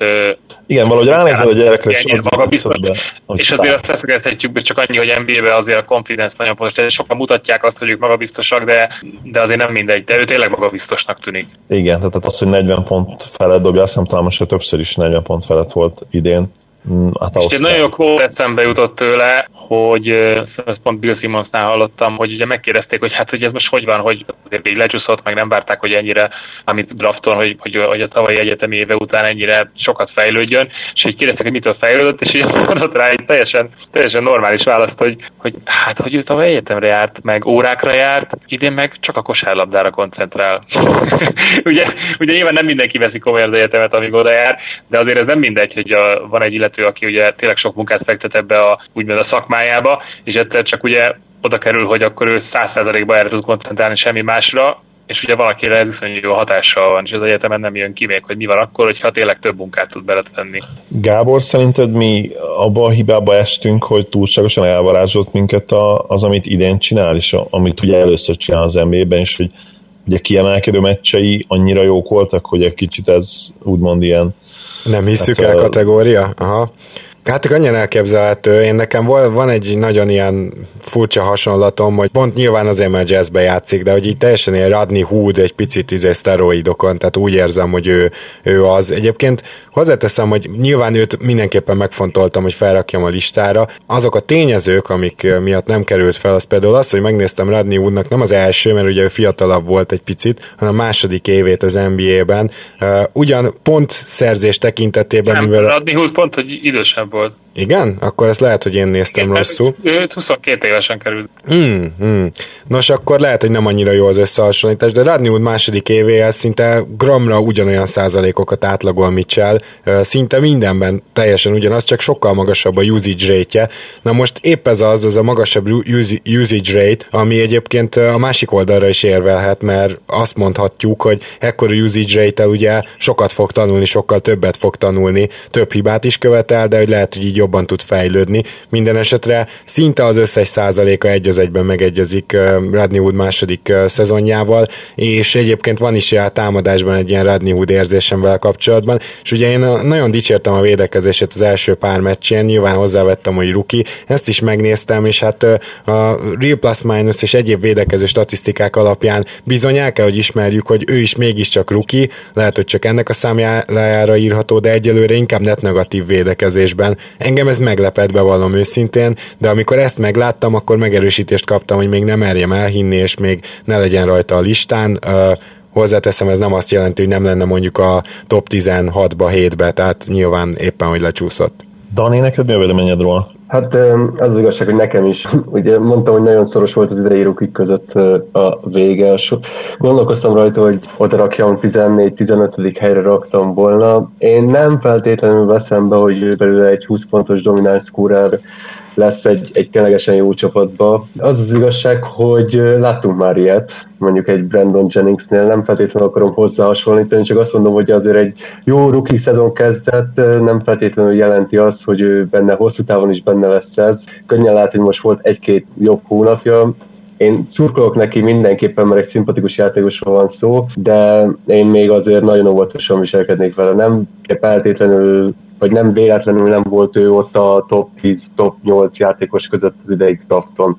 Nekem leginkább ez az, ami visszahúz benne, mert annyira azért most ez a 30 pár meccs, amit eddig láttunk tőle, az még eszmetlen pici, mint ahhoz, hogy én feltétlenül bevegyem rögtön a hype-ot, de ez is lehet, hogy csak simán elfogultság. Annyi, annyi még annyit tennék, hogy, hogy, hogy nekem nyilván ez eye-test, tehát abszolút megérzés és eye-test, hogy én sokkal magabiztosabbnak és fejben érettebbnek tartom, mint akár egy Jennings vagy egy Rodney Hood, tehát nálam ez, ez hát- kicsit még előre vitte a dolgot. Na jó, de azért két évvel idősebb, mint az összes többi rookie, azt azért ne felejtsük el. Hát Murraynél még most is idősebb szerintem másfél évvel. Igen, azért kör, nézd meg Kuzmát, hogy mondjuk, hogy milyen jó rookie szezonja van, nyilván, mert négy évvel idősebb mindenkinél. Persze, persze, nagyon sokat számít. pedig a számai alapján bekerülne, de azért ö, ö, Nyilván, csak el, mondom nálam azért az, hogy 22 éves most már gyakorlatilag, hát, nem, hát 22 lesz majd szeptemberben, úgyhogy azért még nem 22, de azért idősebb Mitchell. Az, az, én azért egy kicsikét így beleszámítottam ebbe. Igen, ez mindenképp szempont, és mielőtt tovább menjünk a listán, még annyit, hogy a Divéd összehasonlítással kapcsolódott természetesen nem azt mondom, hogy hasonlóan kiemelkedő tehetség. Az újonc szezonjaik elég hasonlóak stat ügyileg, ugye annyi a különbség tulajdonképpen, hogy Mitchell egyel kevesebb asszisztot átlagol, de hozzá kell tenni azt, hogy Véd iszonyú ugrást mutatott be a második évébe, hát a, amit nagyon-nagyon nehéz kinézni Mitchellből, és egyébként ez abból is látszik, hogy hol draftolták őket, tényleg azért ez fontos, és bár tévednek sokszor a GM-ek is, azért általában ez, ez jelent valamit, ha más nem legalábbis a, a, azzal kapcsolatban, hogy mint egyetemi prospekt hova rangsorolták a játékos tehetség és ceiling alapján. Hogyha a következő játékosról beszélünk, akkor róla elmondhatjuk, hogy az ő ceilingje, az ő max potenciája, amit jósoltak neki a GM-ek, az nagyon-nagyon magas volt. Őt második helyen draftolták. Ebből szerintem ki is találjátok, hogy ki lesz az illető. Annyi segítek még, hogy periméter játékos és ha jól emlékszem, három szezonnal ezelőtt draftolták őt. Most találjam ki, uh, fogalmam sincs. három szezonnal ezelőtt a második uh, a drafton Otto Porter volt, nem? Egyel utána, tehát akkor ki Csak volt? Park. Tessék? Ingramra gondoltál, nem? Így van, őt mikor draftoltak? Ja, egy két és fél szezonnal, e, igen, végül is jogos, mondhat, mondhatunk már hármat, aha, igen. jó, oké. Okay. Úgyhogy Brandon Ingramról van szó, akit Gyuri kivételével mind a hárman felraktunk a listára. Gábor a 12. helyen. Daniel, nélkül kihagytam. Daniel 11 helyen, ne legyen ennyire büszke rá, milyen megkérdezzük, hogy miért. Én, én pedig a 8. helyre rangsoroltam, ami azt hiszem nálam konzisztens, mert én tőle már akkor elég sokat vártam, amikor erre semmi el nem utalt a játék alapján. Úgyhogy akkor kezdjünk veled most, Gyuri, kíváncsi vagyok, hogy mivel indoklod ezt, az, hogy nem nézed esetleg a Lakers, vagy, vagy nem hiszel abban, amit, Hát nem tud dobni. Hát oké, okay, hogy bedobta azt a győztes csiplát, ami ilyen nagy hírverés volt azon a meccsen, de, de hát amikor 5,5 büntetőt dobsz rá periméter, elsősorban azért periméter játékot 65%-os büntetőzéssel, és most a mezőnyből az a 44,7 az nem olyan katasztrófa, meg a 34%-os triplázás olyan katasztrófa, de én abszolút nem látok bele egy olyan szuper, egy jobb csapatba egy jó támadó játékos. Tehát én nem, nem tudom, tehát az ő testalkatával azért, ugye ez a Durant-szerű testalkat azért jó lenne egy jó kéz, kéz, mert Különben azért ezzel a testalkattal lesznek gondok. Oké, okay, Gyuri, akkor hagyd kérdezzek már vissza, csak azért, mert mondjuk én sem tettem így nagyon előre őt, nyilván, de azért mondjuk a 15-be azért befért, és a következő elmondott te is egy nagyon-nagyon jó, tehát hogy hosszú kezek, tehát hogy mondjuk ha, ha ehhez majd hozzátársul egy jó dobás, vagy akár mondjuk egy jó labdavezetés, ezt se felejtsük el, akkor ebben még hatékony játékos lehet, de ha megnézed, hogy tavalyról idényre mennyit fejlődött, tehát hogy ez egy teljesen szintlépés volt, tehát ez nem egy fél szint, meg egy negyed szint, hanem teljes szintlépés volt. És ugye ő is nagyon fiatal, még mindig az, ahhoz képest ugye... Nagyon, hogy, igen, igen, igen. Igen, tehát hogyha ezt a kettőt összeveszed, akkor nem látsz egy ilyen egyértelmű fejlődési ívet, mint amit már nem emlékszem, melyik korábbi játékosnál hivatkoztál. Nem, de ez mondom megint csak a személyes, meg a, ö, ahol amikor én láttam játszani, mindenképpen magabiztosságban, tehát ő nagyon ilyen kis mulamálénak tűnt tavaly, tehát ilyen ilyetnek tűnt. Az egy tipikus ilyen 18, hát 19 volt már, ilyen 19 éves ilyen újon szezon, tehát a fejlődés abszolút szép, de, de én nem látom nála azt a nagy ceilinget. Lehet, hogy ez, ez, ez mondom, ez, azért ezek a lista összeállítások eléggé ilyen benne van egy elég sok megérzés, amikor azért ilyen 19-20 éves emberekről beszélünk, és nyilván azért láttam pár meccset idén, de nem eleget ahhoz, hogy, hogy, ezt, hogy ezt jobban meg tudjam ítélni, de én, én, én, én félek az ő dobásától, tehát én nem látom benne azt, hogy dobó százalékba innen még nagyon tudna fejlődni. A büntetőzés valóban, valóban aggasztó, tehát ezt, ezt nem lehet kikerülni. Ez is talán most már egy elég stabil dolog, tehát ha említettük Wigginsnél ezt, Ingram is a, már egyetemen nem volt jó büntetőző, tehát 67%-kal dobta, és ez tulajdonképpen ezen százalék közelében van, mind az újonc, mind pedig most a sophomore. Ez csak direkt a te kedvedél, Gyuri. Köszönöm, sophomore. Sophomore szezonjában, igen. So, sophomore, tessék. Na, ha, ha, ha, sounds better. Szóval igen, tehát az valóban, az, az nehéz innen vizionálni, hogy ő egy Durant-szerű elit shooter lesz. Ugye Durantnak volt már, ha jól emlékszem, hát nem csak, hogy 90% feletti büntetőző szezonja, hanem ő megcsinálta ugye az 50-40-90-et is már, ami hát egy egészen hihetetlenül elit társaság, ha jól emlékszem, jelen pillanatban 7 játékos számlál ez a, ez a, ez a elit csoport. Úgyhogy ebben a szempontból tényleg nehéz, viszont azt is nehéz ugyanakkor vizionálni, hogy ő egy ilyen teljesen non-faktor legyen, ami támadást illeti. Ahogy Gábor mondta, tényleg nagyon sokat fejlődött, és az ő fizikai adottságai azért egyértelműen elitek, és ebből neki ki kell, hogy ebből ő ki fog tudni hozni szerintem, akkor így fogalmazok egy minimum egy pár all fellépést. Én őt még mint franchise player sem feltétlenül írnám le, az más kérdés, hogy, hogy minimum ilyen, ilyen 75% körül meg kell tanulni a büntetőzni, és az ő adottságaival ki kéne harcolni meccsenként 6-7 büntetőt. Ami még pozitív idén, hogy a passzjátéka egészen jó, és jól lát a pályán, úgyhogy én, én még mindig abszolút optimista vagyok vele kapcsolatban, sőt optimistább, mint eddig. Kíváncsi hogy Daninak mi a véleménye erről. Ha már Mitchellnél beszéltünk arról, hogy most már 21 éves elmúlt, Ingram pont egy évvel fiatalabb nálam. Ezt csak hogy így kontextusba helyezzük, hogy még mennyire nagyon fiatal ő.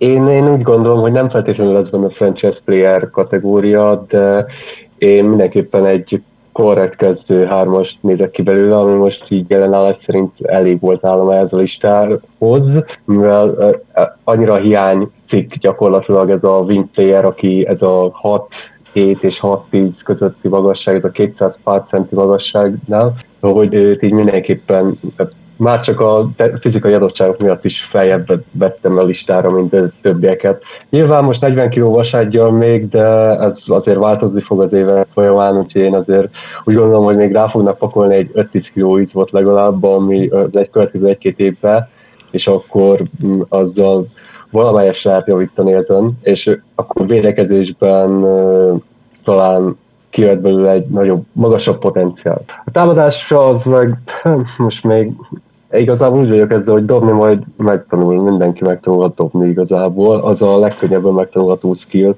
A magasságot meg a hosszú kezeket viszont nem tudod megtanulni. Tudom, ez elég ilyen közhelyes volt, ugye? Hát, hát várjál, csak mindjárt megnézzük, hogy mennyire volt közhelyes. Cliché Watch. Igen, az volt. Köszönöm, pontom. A, a, a tripla százalékhoz még hozzátenném azért azt, hogy ő nem is nagyon vállalám. Ami azért a mai ligában szintén egy potenciális osztáról beszéltek ti legalábbis.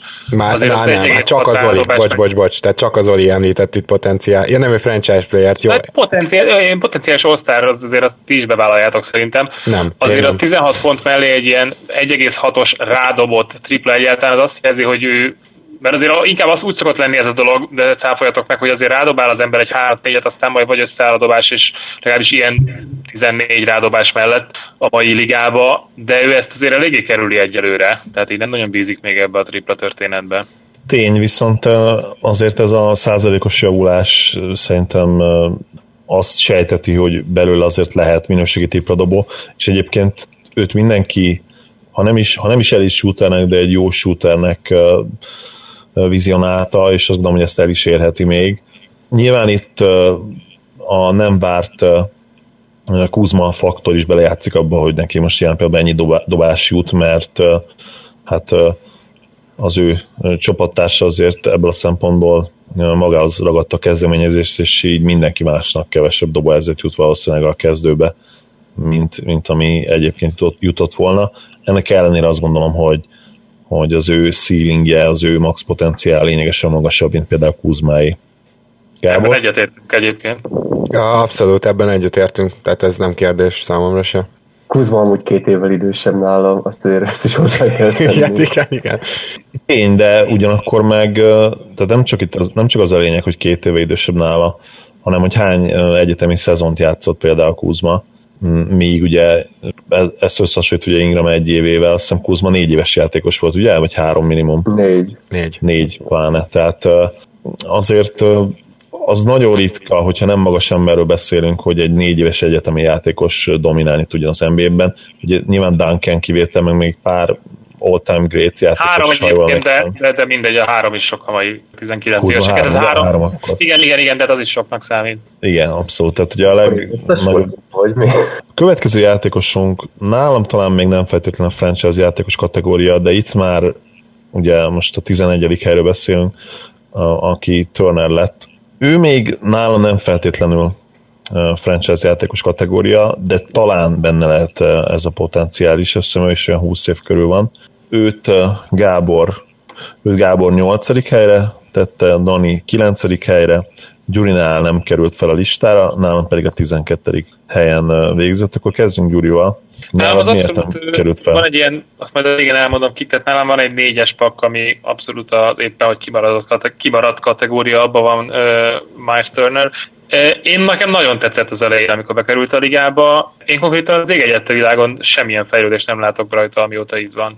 Tehát ugyanezeket, amiket most csinál, ezt tudta az első napon is kávé, és rohadt jó játékos. De vagy nem erőlteti annyira a dolgot, nincs annyira rajta azon, hogy sokat fejlődjön, vagy nem, nem, nem, is, nem, is, nem is igazából tudom megtippelni az okokat, de inkább visszadobnám a labdát, hogy ti látjátok, hogy két és fél év alatt miben fejlődött volna? A triplája a maga konzisztensen lehet, de egyébként jogos, jogos ez a kritika. Tehát ő az újonc szezonjában, és de főleg a második évében azért hát megcsillogtatott olyan franchise player erényeket, ami alapján többet várattunk volna tőle erre a harmadik évére.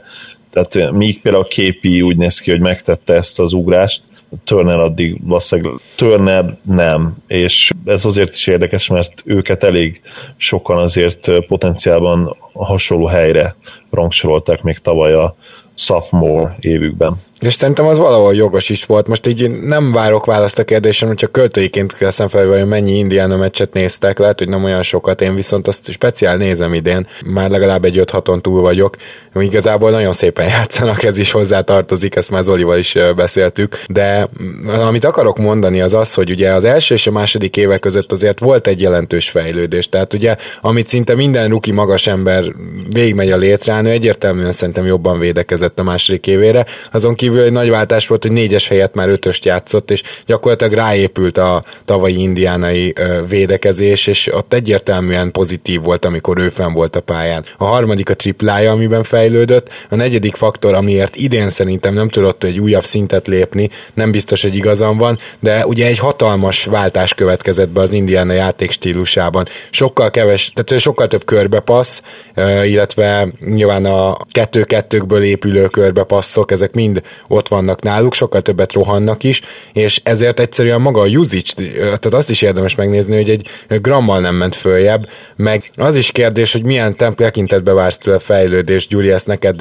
hát címezem. Mondjuk egy lepattanózásban mindenképpen. Uh-huh. Ö... Jó, csak hogy ugye nem játszik, meg... nem játszik most már annyira kizárólagosan sokat, mert hát igazából kibányáztak mellé egy Szaboniszt, Ted Youngnak karrieréve van, és akkor még néha be kéne tenni TJ Léfet meg a Jefferson-t is, én csak azt akarom mondani, hogy abba igazad lehet, hogy nem tudta annyira megragadni a lehetőséget, hogy ő még ennek ellenére is 40 percet játszon, de abban szerintem nincs igazad, hogyha meg se nézed ezt a rendszerbeli változást, mert itt most gyakorlatilag a usage szét van osztva köztük, és ott van Oladipo, ott van a két irányító, Bogdanovics hát, dobál. Tudom, én amikor láttam, bocsánat, Indiana meccset, én azt, hát igen, szerintem abban is jó a kettő-hármat láttam, de, de ő neki nem igazán van a támadásban, hogy mondjam, azt mondod, hogy jár a labda. Most nem is az 1,6 asszisztja, amit kiszúrja a szememet, mert az egy centernél nem egy olyan egetrengető dolog, de azért ö, ő olyan, mintha eldobálgatná így a támadástól függetlenül a saját dobásait, tehát nem látom azt, hogy annyira így, így, így a csapatban vele így összeáll ez a történet, de mondom, ez a kevés meccses high tehát inkább maradnék annál, hogy, hogy, hogy, hogy számokba és magában az egész játékban nem érzem azt, hogy annyit fejlődött volna, mint, egy, mint amit vártam tőle, mert mondom, iszonyúan tetszett nekem olyan szezonja után. A total rebound percentage, ugye a lepattanozó százaléka védő és támadó pattanót is tekintve, az gyakorlatilag nem mozdult az újonc szezonja óta, tehát ilyen 13, 13 százalék környéken van, 13,3 volt az újonc célbe, 13 tavaly és 12,8 idén. A usage rate is ugyanaz, tehát 20-19 és, és idén megint 20% környékén. Ez is igazából arra enged következtetni, hogy ha, ha más nem, a szerepe az nem sokat változott. Egyébként kicsit kijavítanám Gábort, mert az újonc szezonjában is főleg centerként játszott. 60, 60 meccsen játszott összesen, 30-szor kezdett, és azt hiszem, hogy szinte kizárólag centerként játszott és azért ő is nagyon fiatalon került, tehát 19 éves volt az újon szezonjában végig, tavaly 20, tehát nyilván nekem ezért egy kicsit, tehát nem nagy, tehát nem azt mondom, hogy ő rossz lesz, de nekem kicsit csalódás ahhoz képest, hogy olyan fiatalon mennyire jó volt. Ahhoz Igen, képest most két évvel később absz- abszolút. nem tartott, ahol én vártam. Dani, neked mi volt véleményed róla, akár az újon szezonját illetően, amikor ilyen nagyobb 20-10-es meccseket lehozott, és, és hogy érzed, hogy hogy... Én többet vártam volna tőle, még a tavalyi szezonban is. Emlékszem, ellenünk játszották a nyitó meccset, a, az Indi, és akkor meg is állapítottam szerintem így a fórumokon, hogy hát Miles Turner az belőle franchise player lesz, aztán hát egyelőre ez még várat magára, én továbbra sírnám le. A lepattanózás az problémás. Én a, valaki már fiatalon nem tud lepattanózni, az általában sose fog tudni igazán jó lepattanózó lenni viszont én úgy gondolom, hogy neki mindig lesz helye egy jó csapatban, úgyhogy éves igazából ez a, a, hogy is mondjam, ez a pozicionális előnyben van, mert gyakorlatilag olyan kevés jó center van ez a második vonalsoknál, és hogy a, a top 5 után, hogy én mindenképpen úgy éreztem, hogy itt van a helye ebbe a listában, úgyhogy sose lesz belőle jelen, én úgy gondolnám, hogy sose lesz belőle egy igazi Dwight Howard féle beast, viszont egy nagyon hasznos center lesz egy ilyen, hát én ilyen Steven Adams meg hasonló kategóriás, ilyen másodvonalas centert nézek ki belőle, jelen állás szerint most gyakorlatilag így amit az Gyuri mondott a fejlődés hiányával, az igazából jogos kritikának tartom. Még annyi csak a végére, hogy, hogy, hogy nekem az a kategória ő egyelőre, de törjön ki belőle, aki olyan is olyan tehetséges, és mindent meg tud csinálni, amit akar a pályán, hogy, hogy nem nagyon teszi mellé a munkát, mert, mert, mert ezzel a tehetséggel is simán fog évi 15-20 millió dollárt keresni és nem nagyon látnám, hogy ő megerőltetné magát, hogy fejlődjön, de mondom, törjön ki ebből, de én úgy látom, hogy ő tehetségből el van, mert iszonyú tehetséges. Talán nincs meg benne, és akkor Gábor itt majd le is zárod a te válaszod, de még az a kérdés, hogy talán nincs meg benne az a, az, az állat, úgymond idézőjelben, aki nincs meg benne az, agresszivitás, ami mondjuk egy táncba vagy egy képibe egyértelműen megvan és uh, itt most főleg támadásra gondolok, Val- valahogy ezt nem érzem belőle, és ez lehet persze a rendszer is részben, de lehet, hogy ő, ő nem elég agresszív. Hát én azért is tettem a nyolcadik helyre, mert egyszerűen egy centert én máshogy értékelek, és ő viszont kiváló védő szerintem, tehát már most, és ő ennél még jobb védő lesz, abba is biztos vagyok. Hogyha támadásba csak triplát dob, közepesen lepattanózik, azokat visszarakosgatja, meg mondjuk tud befutni, akkor az már egy fantasztikus center úgyhogy egyszerűen maga a pozíció az, ami miatt feljebb raktam, mert nekem centerként elég ez is, még akkor is, hogyha osztok egy-két aggodalmat. De ezt a számok is alátámasztják, vagy csak a blokk, csak a blokkot láttam, most nem nézem az advanced blogba, oké, okay, hogy nagyon Hát ezt mondtam neked, tudod, hogy számokban a, a második évére volt egyértelmű, az első mm, évében ugye sokat blokkolt, de ez inkább ilyen gyenge oldali besegítés volt. Igen, az, ezért mondom, hogy az megtévesztő lehet. Igen, viszont a második évében már tényleg ráhúzták fel a védekezést, és uh, ott, ott is helytált. Tehát ezt mondtam, hogy ugye akkor jobb volt vele a csapat bőven, mint, mint amikor mhm. lejött. Úgyhogy ennyi igazából. Egyébként alá is támasztja igen a védekezéshez, hogy plusz 1,51 a DRPM-je, tehát az, az nem rossz. Nincs azért ott az elitbe, de, de az, az már mindenképp azért pozitív. Bár érdekesség, hogy jó később fogunk beszélni, nem, azt tényleg nem egészen értem, hogy a védekező advenstatokban hogyan lehet ekkora király, de az újon szezonja óta mm, az érdekes. Még azért nem Jokic következik, viszont most már belemegyünk szerintem abba a kategóriába, ahol hát egyértelműen konszenzus lesz köztünk abban, hogy ha a legjobb esetőség bejön ezeknél a játékosoknál, akkor ott mindenképpen franchise játékosról beszélünk. Ezt már most jelezném, hogy a két Bostoninál egyáltalán nem fogok ebbe belemenni, tehát egyiknél sem tudom elképzelni. Igen, ez nem feltétlenül igaz így. Igen. Attól még lehet valaki, attól még lehet valaki tízszeres all mondjuk, hogy sose volt franchise. Most nem, nem mondtam hülyeséget, biztos van ilyen. Abszolút, hogy nyolcszoros all hogy nem volt franchise vélemény. Én azt gondolom, hogy Brownnál is és Térumnál is szerintem a legjobb esetőség az, az franchise játékos szint már csak azért is, mert mi sem bizonyítja ezt szerintem jobban annál, hogy például Brown-t harmadik helyen vitték el, és azt hiszem Tatumot is ugye harmadik helyen vitték el. Inkább egyesével szerintem. A következő ilyen játékosunk tehát akkor Jason Tatum, aki a Celtics játékosa, és idén talán a, a vártnál is nagyobb szerepben, és ezt a szerepet tökéletesen játszva. Viszont azt gondolom, hogy talán pont ezért is egy kicsit őt nehezebb megítélni, mert ha érvelünk amellett, hogy melyek azok az újoncok, vagy, vagy nagyon fiatal játékosok, akiknek hát nem feltétlenül kell sokat gondolkodni a pályán, és előre meghatározott szerepük van, és, és az edző a, a mi esetünkben, ugye most Stevens egy kiváló edzőről beszélünk, olyan pozícióba tette őket, ahol tényleg az erősségeik jönnek ki, és a gyengéik azok, azok el vannak rejtve. Szerintem Tatumra ez, ez mindig az, és akkor gyorsan mondom, hogy őt hova rangsoroltátok. Gábor 13. helyre rakta, Dani 15. helyre, Gyuri 9. helyre, én pedig 11. helyre tettem őt. És akkor kezdjünk talán most Gyurival. Nálad miért került be ő a top 10-be? Ez érdekes, mert én, én, én egyelőre még nem vagyok meggyőzve arról, hogy ő tényleg annyira jó, ugye, mint amit a mostani számok mutatnak a korához képest, ugye fantasztikus számok.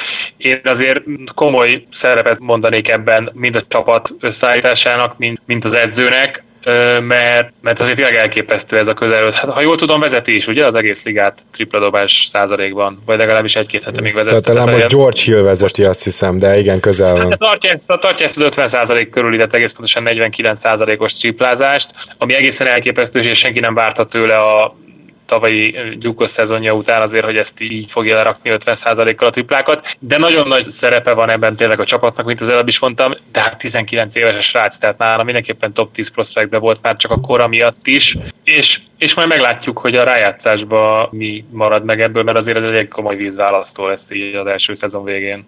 De mindenképpen nagyon érett, tehát, tehát, tehát, tehát nagyon érett játékot mutat, de, de ugye nem győzöm hangsúlyozni, ezt könnyű ebben a Bostonban. Tehát igazából tökéletes helyre került. Igen, ugye ezzel folytattad azt a én gondolatomat, és hogy gyorsan reagálnék, miatt átadjuk Daninak és Gábornak a szót, hogy valóban a, a triplázása az a hatalmas meglepetés és, és hatalmasabb meglepetés, mert ő a college triplát dobta 34%-kal tavaly, tehát ehhez képest a távolabbi NBA triplát 50%-kal, még akkor is, hogyha belekalkulálod azt, hogy nyilván most a dobásai nagy részénél ő teljesen üresen van, és ezzel kapcsolatban azért a, a kredit nagy része Stevens-t, Irvinget, de akár még Brown-t is illeti, aki, aki szintén nagyon jól triplázik, és akiről beszélni fogunk még. Vagy Nyilván... esetleg ezeknek a gólpasszoknak az adóját, Horfordot, de ne hagyd ki. Így a Horford is nagyon fontos, aki ugye amellett, hogy jól passzol, mondta, hogy Gábor kiváló elzárásokat is szokott adni.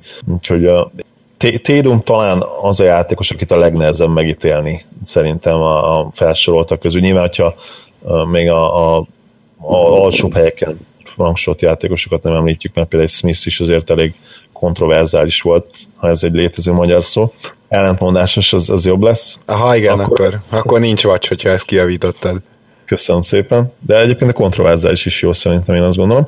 Um, akkor Gábor és Dani, kíváncsi vagyok a ti véleményetekre is. Egyrészt azzal kapcsolatban, hogy mennyire egyszerű vagy nem egyszerű Tédomot megítélni objektíven jelen pillanatban, illetve mi lehet a max potenciálja, mert ugye itt azt is bele kell kalkulálni, hogy ő a Celticsben Irvinggel, Haywarddal, Brownnal egyáltalán van arra esélye, hogy ezt valaha eléri ezt a max potenciált? Mert köré nem valószínű, hogy bármikor fognak csapatot építeni, akármennyire jó is ilyen uh, részfeladatokban. Szerintem most így teljesen elmondtál mindent, tehát hogy majdnem, hogy szó szerint ezt akartam elmondani.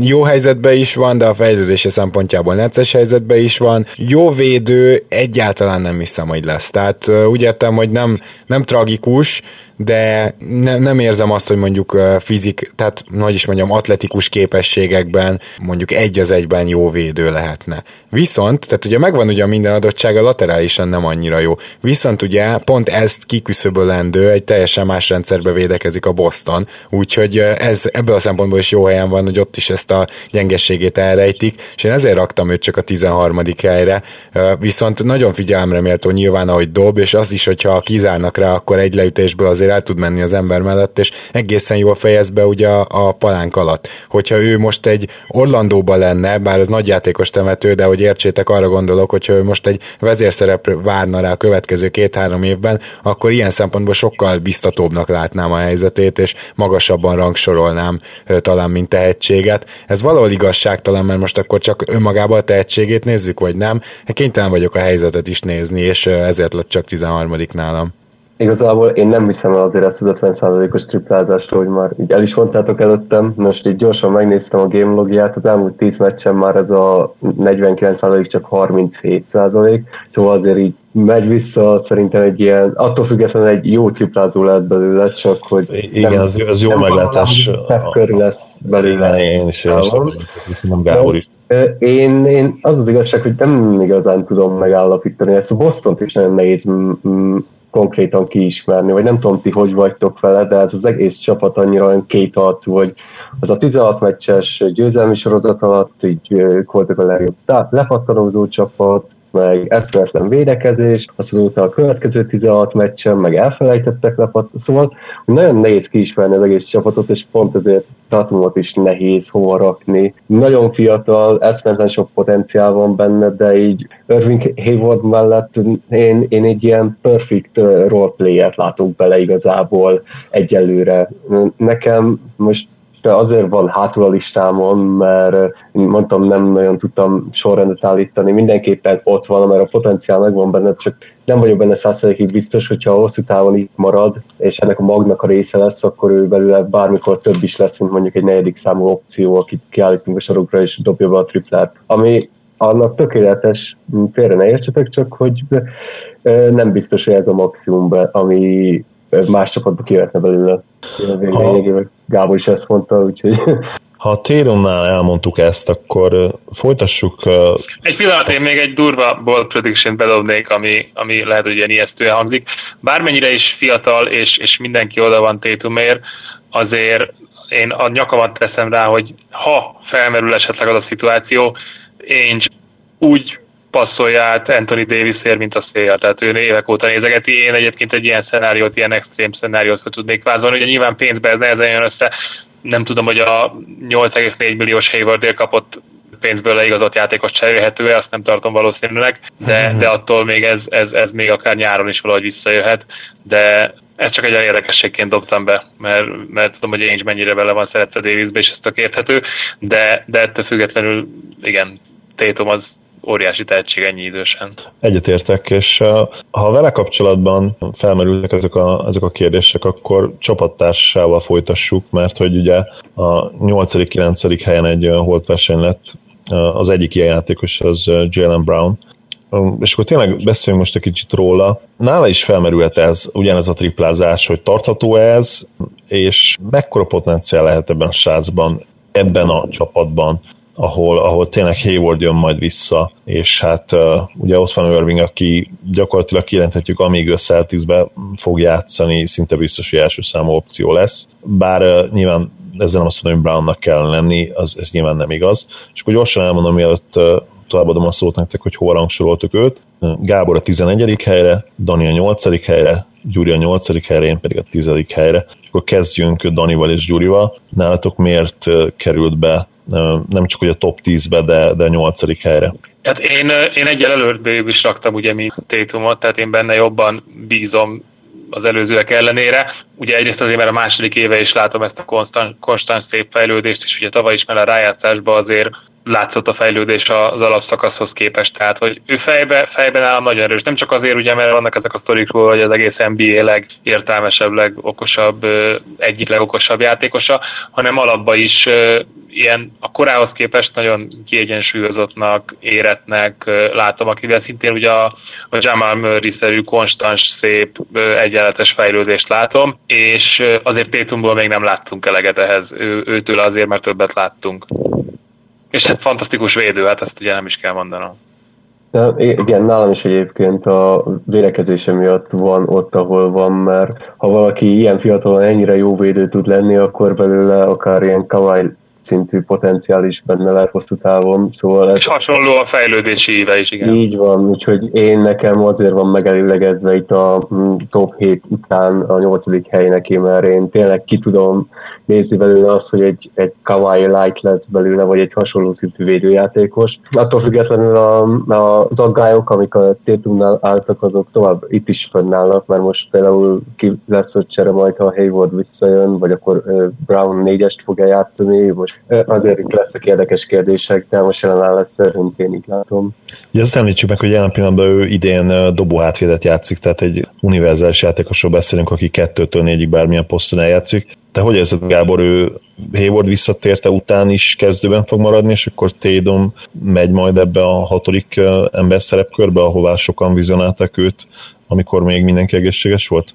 Logikusabb lenne, mondjuk nem szeretnék semmit mondani Stevensnél, sose tudod, hogy milyen kezdővel áll ki már meccsről meccsre se, de azért Brownnak a védekezése az elképesztően fontos lesz, főleg a playoffban, úgyhogy hosszú távon, hogyha a kettőjük közül kell most valakit berakni, szerintem nincs ember, aki Tatumot rakná be, valójában pont ezért. Egyébként mindent elmondhatok, két érdekesség, 8 tól 11. helyre soroltuk őt, tehát itt hatalmas egyetértés volt egyébként, hogy ő biztosan abba a second tierbe beletartozik úgyhogy azért ezt, ezt figyelemre méltó, hogy őt nagyon hasonlóan ítéltük meg. A másik pedig, hogy én már hasonlítottam hozzá az egyik lemaradómat, OG Ananobit, és ugye még nem mertem igazán felrakni uh, erre a listára, mondván, hogy keveset láttam belőle, az nagyon biztató ugyan, de támadásban egyelőre még csak triplát dob, de hogyha ugyanazt az ívet járja be, mert nagyon hasonlít a, az újonc Brownhoz, Anunobi, akkor nálam nem csak, hogy be fog törni a top 15-be jövőre, hanem itt a tizedik hely környékére fog betörni, mert Brownnál szerintem már most egy picit jobban passzol Anunobi, és ez ezért mindenképpen itt meg akartam említeni, hogy még, még nem voltam se elég homer, se elég bátor, hogy berakjam őt, de azért szerintem könnyen, hogyha hasonló évet jár be, könnyen elgondolkozhatunk azon, hogy, hogy róla ugyanezeket majd elmondhatjuk. Zseniális szezon fut a Anunobi. Ami miatt én egy picit óckodnék ettől, hogy talán ő nem annyira jó atléta. Kiváló atléta és nagyon-nagyon erős, de ami a sebességet, robbanékonyságot illeti, azért Brown szerintem lényegesen jobb. Meglátjuk, hogy igen, itt ugye van a sérülése a büntetőket, is. büntetőket itt is rendbe kéne rakni, mert az nem néz ki jól. Mármint OJ-nál vagy Brown-nál?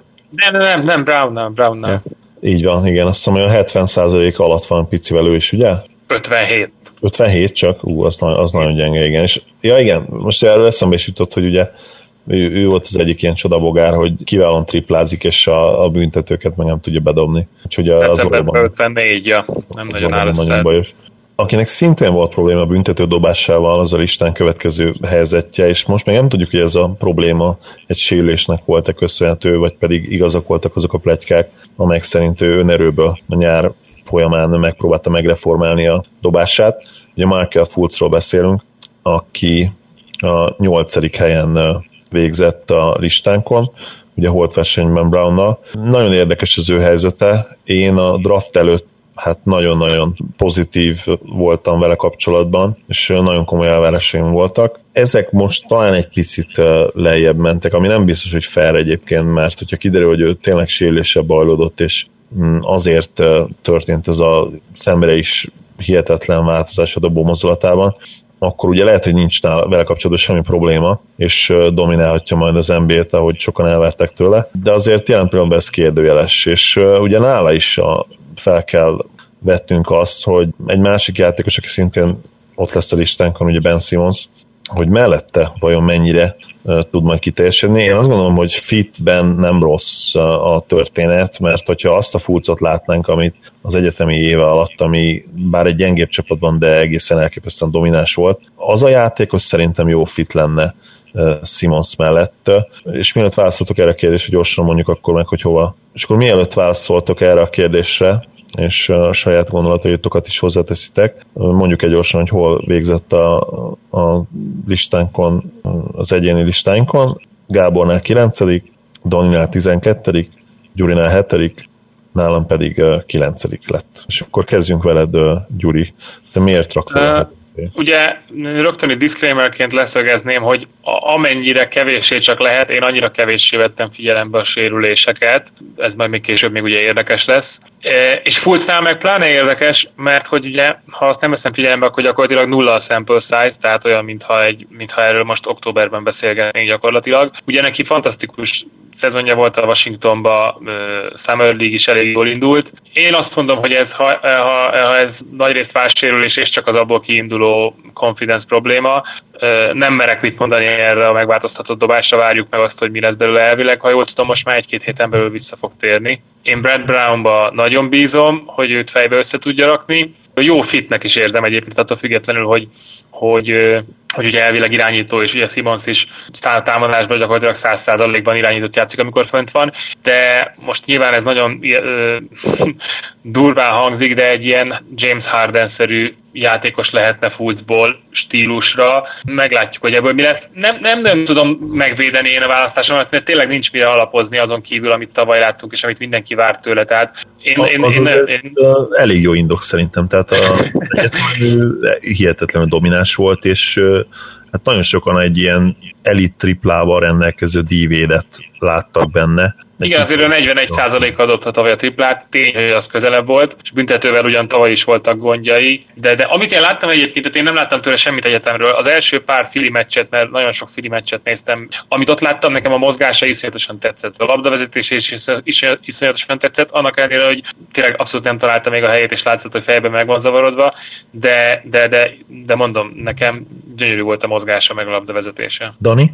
Igazából 27 percet játszott eddig az NBA-be, szóval gyakorlatilag ez tényleg csak potenciál miatt van rajta a listámon, egyértelműen ott a helye, nem véletlenül lett ő az egy per egyes. Térjünk vissza rá jövő ilyenkorra, talán január közepére visszatérhet, és azért idén is fog, fog valamit mutatni.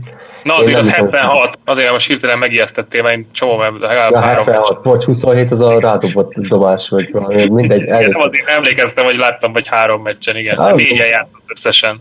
Igen, az a lényeg, hogy az gyakorlatilag mm, mm, elhanyagolható sample size, úgyhogy térjünk vissza jövőre erre. Én azt mondom, hogy szerintem nem lehet probléma simons a fit, úgyhogy én, én mindenképpen sokat vár, várok tőle, de leginkább csak amit egyetemen láttunk az alapján, meg amit mindenki vár tőle lényegében. Ennél többet nem nagyon tudunk egyelőre mondani. Igen, kicsit nála kezdődik nálam, a, ez legit, tehát tényleg legitim módon franchise player lehet kategória, igaz, hogy én elétettem Turnert és Bookert, de de hát én Turnerbe ezek szerint sokkal többet nézek ki, mint ti. Minden esetre itt, itt kezdődik nálam a, talán ez már lehet franchise player, hogy egy kicsit így visszautaljak, és akkor szerintem mehetünk tovább, mert ha jól sejtem, akkor a most említett Booker következhet.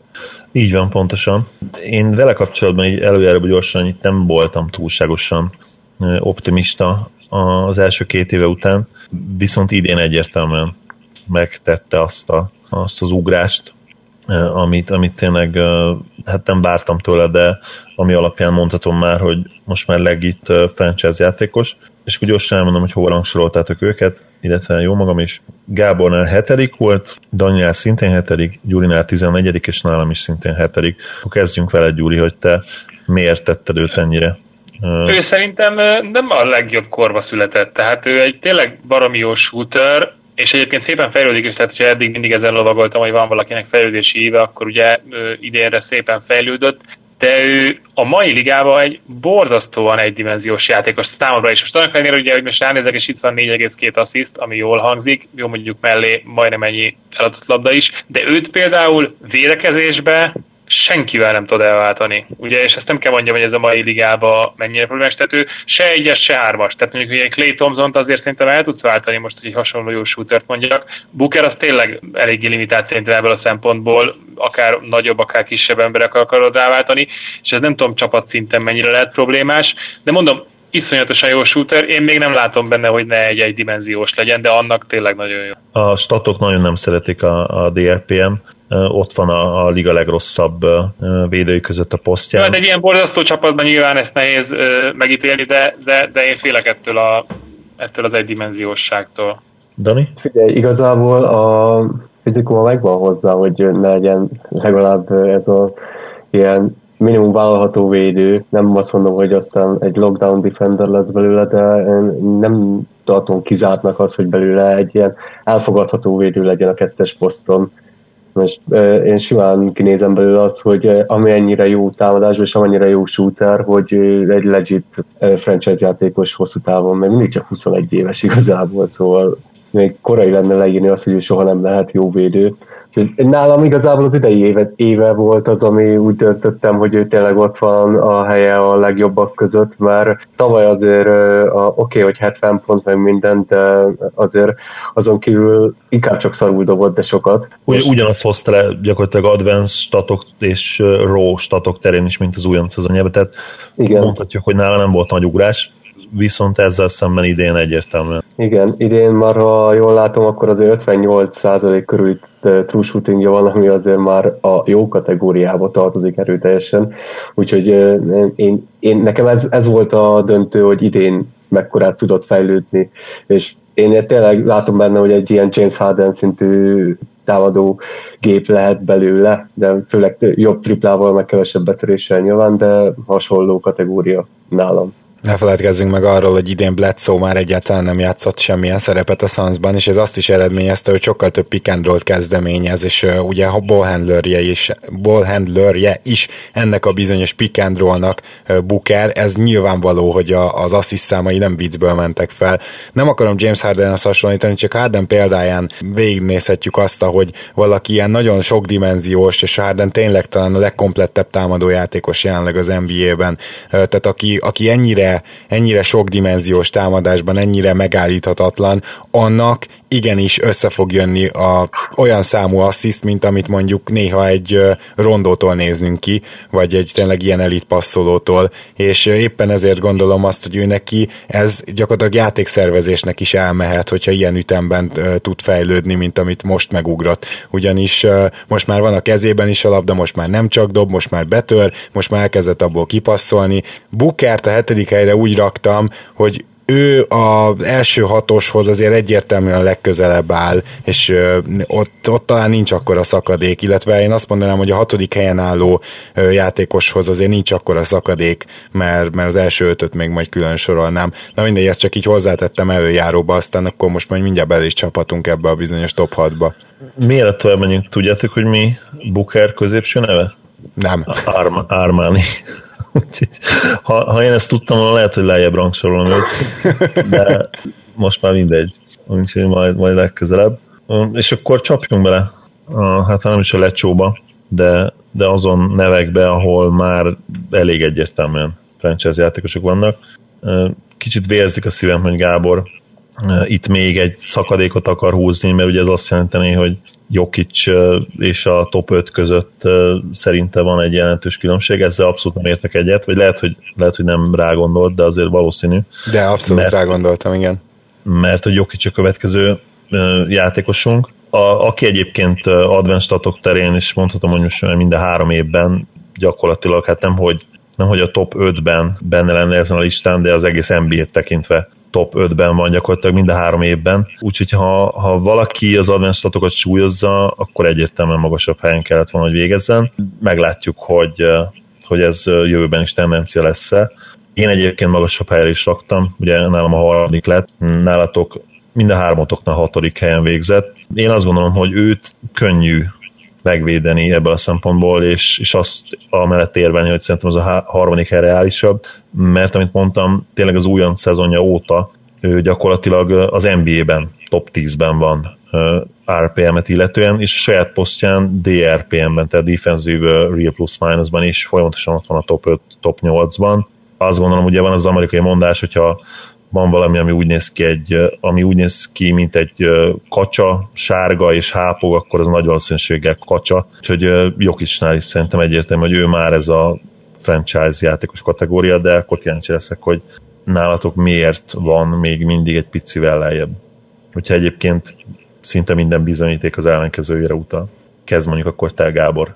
Ó, hát ezt uh, több dologgal is meg tudom indokolni. Az első az az, hogy uh, ha van olyan játékos, akinél tényleg becsapósak az advanced statok védekezésben, az biztos, hogy ő ezt már ugye mi is beszéltük egyébként korábbi podcastben, tehát azért az egy nagy különbség, hogyha valakinek olyan gyengéi vannak védekezésben, ami miatt egy egész védőrendszert át kell alakítani, és ugye ez történt Jokicsnál, meg a Denver védekezésénél, akkor, mert ugye mi, mi, mi neki jó védekezés, védekezésben, hát úgy magas, felteszi a kezét, akkor azzal valamilyen rim protection mégiscsak jár, és nem is kis darab. De egyébként abszolút nem atletikus, nem gyors, se oldalra, se hátra, se sem erre, nagyon nagy problémái vannak védekezésben, a testi átalakuláson sem igazán megy át, és nem is gondolom azt, hogy olyan fantasztikus besegítő védő lenne, viszont rendkívül intelligens, és azt gondolom, hogy ez lehet az, ami pozitívumnál a védekezésben, de itt én egyszerűen nem vagyok hajlandó elhinni. Igazából a defensive real plus minusnak amúgy sem vagyok hajlandó ilyen nagyon-nagyon kötetlenül hinni, és ahányszor látom Jokicsot játszani, szerintem botrány rossz védő igazából, tényleg számomra óriási meglepetés, de itt a szemtesztet muszáj a DRPM elé helyeznem.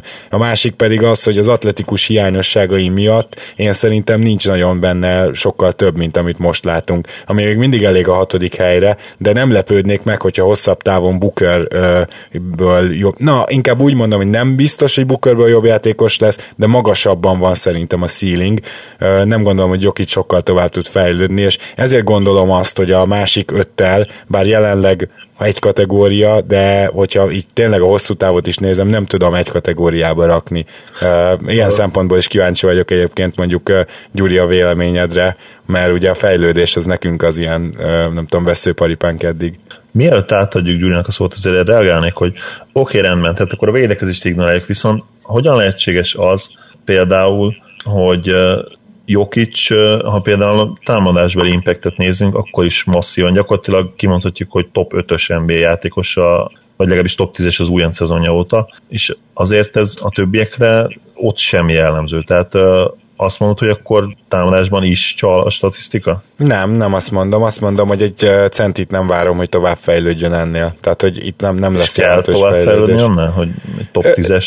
Nem, nem, csak azt mondom, hogy ezért indokolt a hatodik hely, mert a többieknél bőven várok még fejlődést, szinte a többieknél azt, a, azt várod, hogy top 10-es támadásban top 10-es játékosok lesznek, és védekezésben is top 10-es játékosok lesznek? Jokic nem top 10-es játékos védekezésben számomra, sőt, a liga alsó Jó, felére tartozik. Oké, okay, de hogyha elé helyezed a többieket, akkor nekik azon a téren nyilván, tehát ugye ha a legjobb esetőség az, hogy top 10-es játékosok lesznek támadásban, mondjuk némelyik játékosnál az nyilván reális, ahhoz, hogy eléjük helyez, nem kellene az is, hogy, hogy védekezésben is egyértelműen sokkal jobbak legyenek? Már csak azért sem, mert ugye Jokic egy passzoló magas, ez a legfőbb erénye, és ugye az NBA-ben én azt gondolom, azok, akik, hát ugye volt, elhangzott meg create separation, tehát akik maguknak meg tudják teremteni a helyzetet, és úgy teremtenek helyzetet a csapattársaknak, azok valószínűleg, tehát azok közé, köré jobban felhúzható rendszer alakul ki, hogyha Jokicsit úgy lesz franchise player, hogy ő lesz a, a fő ilyen elosztó, akkor egy ilyen El Horford lesz belőle, ami nagyon jó játékos, de ennél több van a másik ötben, mondjuk egy franchise szintjén.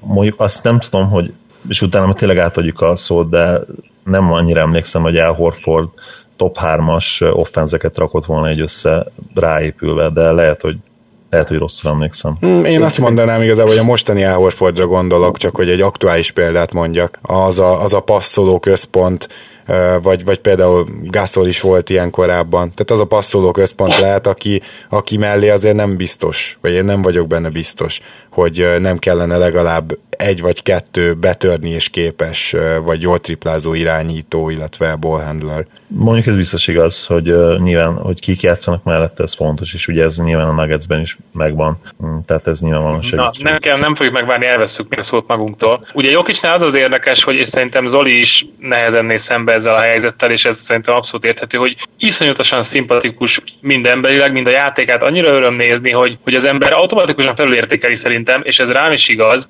és, és, és tényleg, hogyha most azt kéne mondani, hogy most azonnal mondjál egy embert, akinek a legszívesebben nézze a meccsét mindentől függetlenül, akkor most nyilván egyet lehet, hogy nem tudnék hirtelen mondani, de hogy a top 3-ban benne van Jokic, az biztos, és szerintem szinte mindenkinél, aki szereti a kosárlabdát. Ugye innentől kezdve nyilván nehéz, nehéz objektíven megítélni, én látom benne mindenképpen azt a fejlődést, amit mondjuk, mondjuk ugye Turnernél nem láttam. Azért ő hátráltatta pár sérülés ebbe a szezonba, ugye azt hiszem többször is a bokájával volt gond, meg kiállítatta magát, tehát ilyen kisebb ilyen megtörések, tehát így nem volt egy ilyen egy húzamba egy 8-10 meccs, amit illetve tudott volna tenni az asztalra. Én szerintem ő tök jó helyzetben van abból a szempontból, hogy tényleg mind Gary Harris, mind Jamal Murray-vel egy ilyen tök jó kis magot tudnak kialakítani, fiatal magot, akik együtt fejlődhetnek. Ugye a többi posztokon azért itt vannak még problémák a csapatba. Melón is egy tök jó edző. Nehéz, nehéz, tényleg, de nehézen tudom Jokicsot megítélni, mert most mondjuk, ha egy Townshoz, aki gondolom, azt hiszem majd a következő lesz talán, hozzáspalítva, nem biztos, hogy még annak ellenére is, hogy visszafogom magam, lehet, hogy inkább őraknám a csapatomba, mert, mert tényleg én nagyon nagyra becsülöm azt, hogyha valaki fejbe érzi a játékot, és nem csak szép, hanem ugye, hanem ugye, hanem ugye jó is, hiszen ugye ami igaz arra, hogyha az Olinak nagyon tetszik a játéka, nekem nagyon tetszik a játéka, akkor ugye másik oldalon ott van, hogy a csapattársain is nagyon tetszik, és élvezett vele játszani, ergo ugye egy olyan szempontból is, és lehet, hogy a statok ugye ezt kimutatják, amit az iTest nem, hogy olyan szempontból is javítja a csapat eredményességét, hogy kurva jó vele játszani már elnézést. Tehát élvezett vele a játék. Meg miért Plusz, ez a nézőkre kihathat, mindenkire kihat, tehát ez egy ilyen oda-vissza működő dolog. Igen, meg ugye védekezésben tény, hogy ugye a Nuggets azt játsza, hogy gyakorlatilag a midrange dobásokat feladja, és ezt Jokicson keresztül teszik, meg ugye a pick and roll gyakorlatilag behátrál a, a palánk alá. Tény is való, hogy ez valószínűleg feljavítja a, a defensive rating statjét, meg ugye a defensive plus-minus. Ennek ellenére is azért azt, azt nagyon erős kijelenteni, hogy egy pocsékvédő, hogy egy pocsék rim protector, ezt egyetemen kijelenthetjük, de a védekezés az, az annyi, tehát sokkal, hogy is mondjam, széles körülben sokkal, sokkal mélyebb, tehát ő Jokic mind, szinte mindig jó pozícióban van, illetve ember ellen nagyon-nagyon jó védő. Tehát nagyon jó használja a magasságát, nem nagyon faltol, és ez kicsit Dörkös hasonló egyébként, akit szintén párhuzamosan nagy részében megkapta, hogy Pocsék ide is beszéltünk nagyon sokszor.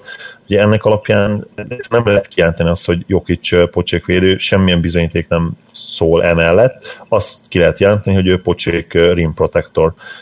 De hogyha már így értékeled a védekezést, az egészét illetően, akkor azt kijelenteni, hogy egy pocsék védő szerintem nagyon erős, és még egyszer nem, szerintem az iTest sem támasztja ez, ezt alá. Azt alátámasztja az iTest, hogy amikor a gyűrűt kellene védeni, akkor Jokic bizony hát gyenge kifejezetten. Nem tudom, Dani, erről mi a véleményed, illetve hogy... Már milliószor veszekedtünk szerintem veled ezzel kapcsolatban. Igen, de ha emlékszem, legutóbb akkor veszekedtünk, amikor még, még te a sample size-ra hivatkoztál, amire azt gondolom, hogy most már azért nem nagyon lehet hivatkozni. Nem, nekem a legnagyobb problémám továbbra is az, hogy valahogy nem is tudom ezt nektek megfogalmazni, de ez a, ez a killer instinct, mint hogyha hiányozna belőle az, hogy akkor na most én vagyok a csapat legjobb játékosa, én vagyok a legjobb játékos a pályán, és akkor most megnyerem a meccset, ahogy ez a... Erről beszélgettünk is Gábor az egyik podcastben. Igen, e- ezt én is hiányom belőle, mert ő minden meccsen 20-22-8-at átlagolhatna, biztos vagyok benne. És... Igen, és e, amíg ez nincs meg benne, vagy nem látom ezt konzek, hosszabb távon is nála, addig én egyszerűen nem tudom a többiek elé rakni. Én ezt nem érzem akkor a problémának. Ez akkor lenne probléma, hogyha ez így lenne a szoros meccsek végén is. Sajnos nem cseres statisztikám, de ez nekem az a megérzésem, hogy azért amikor kell, akkor oda teszi magát. Tehát az, hogy az első, második, harmadik negyedekbe hagyja, hogy kicsit a többiek jobban megszórják magukat, az nem feltétlenül probléma, még hogyha amikor kell, akkor ott van. Azt hát, ott, a, van, ott van Zayden Jukic a negyedik negyedben. Nézzük, meccseket fog kiderülni. igen, és azt gondolom. Na jó, szerintem jó kicsit kibeszéltük, ő is eléggé megosztó játékos. Tényleg, ami a támadást illeti, nyilván ott, ott azért egyszerűbb a képlet, úgy egyébként lehet vitatkozni, és nyilván azért ne csináljunk úgy, hogy ez a hatodik hely rossz, én, én nem gondolom azt, hogy rossz lenne. Én egy picit előrébb tettem, és azt gondolom, hogy, hogy lehet érvelni mellette, de, de egyébként fair végül is ez a, a ti helyezésetek is azért mégiscsak masszívan a top 10-ben volt. A következő játékosunkról az jut eszembe, hogy hát véget ért az a Lamur, ami az első két évben jellemezte őt, és, és ugye az NBA-ben betöltött státuszát szerepét, mert ha nem ért volna véget ez a, ez a Lamur idézőjelben, akkor még magasabbra rangsortuk volna őt, és Carl Anthony Táncról beszélek, akit bár mindannyian a top 5-be rangsoroltunk, a negyedik helyen előrébb senki nem végzett, és, és azt gondolom, Gábor, hogy mindannyiunk nevében beszélhetsz majd, amikor elmondod, hogy miért lett vége ennek a lamúrnak, és miért nem tettük most már előrébb, mert hogy tavaly és tavaly előtt is garantáltan ott lett volna mind a hárumunknál, mind a négyünknél, bocsánat, a top háromban. Sőt, a GM-eknél még itt a szezon előtt is ott volt, ugye? Tehát, hogy kire építenél legszívesebben, tehát ezt se felejtsük el. Az nagyon erős dolog, hogy valakinek a védekezése húzamosabb ideig tud az újonc és második szezonjában annyira rossz lenni, hogy amikor a harmadik szezonjában se javul, akkor komolyan elgondolkozol rajta, hogy ez tényleg ilyen lesz? Mert ugye itt már Enes Kantert is emlegették, ami tehetség alapján nevetséges, tehát tehetségben ő legalább tuplája Kanternek. De egyszerűen egy idő után feladod ezt a bizalmat. És én nagyon sokat gondolkoztam, hogy képi vagy ő kerüljön nálam, egyébként ötödik lett, és hogy képi vagy ő kerüljön az ötödik helyre, mert ugye Porcingisnek is azért vannak hiányosságai, de, ne, de nem ekkorák, és hiába nagyobb tehetség összességében Carl Anthony Towns támadásban, azt gondolom, hogy ez nem, nem lehet kérdéses, gyorsabb is, dinamikusabb mozgású, le fogja tudni jobban ütni a labdát, tehát azért itt biztos vagyok benne, hogy gyűrű közelében is Carl Anthony Towns már most is elit befejező egyébként, tehát itt meg tudtam volna győzni magam arról, hogy most itt Porcingis szerepeljen, de igazából ez a védekezés, amit eddig mutat, és ami nem fejlődik, az olyan szinten aggasztó, hogy nem, nem tudom följebb rakni még, még képinél sem. Szóval ez lehet, hogy inkább dicséret mindkettejüknek, ahogy beszélek róluk, és nem, nem baj az, ha valaki képi mögött van, csak hát Anthony Towns egy tehetségesebb kosárlabdázónak tartom képinél, és mégis az ötödik helyen van. Dani, te ugye ötödik helyre tetted szintén. Igen, hát az az igazság, hogy támadásban egyszerűen annyira egy zseni szerintem, és akkora potenciál van benne, hogy muszáj elnéznem a védekezésbeli hiányosságokat. Még 22 évesen, még nem mondom azt, hogy minden vessze van. Én már Tibidót szittem a leget szerintem az adásból, úgyhogy nem fogom folytatni. Továbbra is úgy gondolom, hogy ha majd lesz egy normális edzőjelménynek, akkor majd Towns is legalább egy vállalható szintre föl tud jönni. A fiatal játékosoknál a védekezés az mindig egy ilyen kahuktojás, például Brown ugye azért lehetett annyira előre, mert ő ilyen százból egy kivétel, aki tud védekezni. Probléma nyilván egy centernél, főleg a harmadik szezonjában.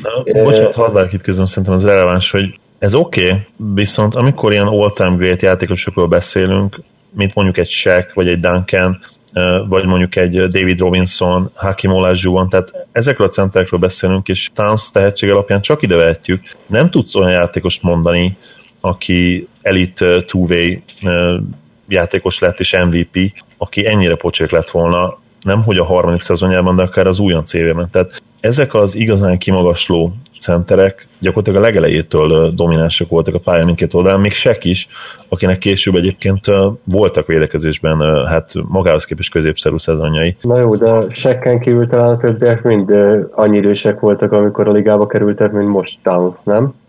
Duncan idősebb volt, igen, szerintem Robinson, Robinson is ő talán még idősebb volt, lehet, hogy a 24 évesen került De Shaq is 20 évesen került a ligába, úgyhogy azért mondom, most Towns oké, okay, 22 nyilván, csak nem, ne, nem várom azt tőle, hogy belőle egy Olajuwon szintű védő legyen, vagy egy Tim, Rob, Tim Duncan szintű védő okay, legyen. csak most akkor megint ott vagyunk, hogy hány éves ugye Towns most, akkor már nagyjából azért ligában volt ez a játékosok. 22 és már az újonc szezonjukban kiváló védők voltak, és akkor nem, ez nem előny lenne Townsnak, hogy neki már, tehát hogy neki három év NBA tapasztalattal ennyire pocsék, ami talán még rosszabb, nem?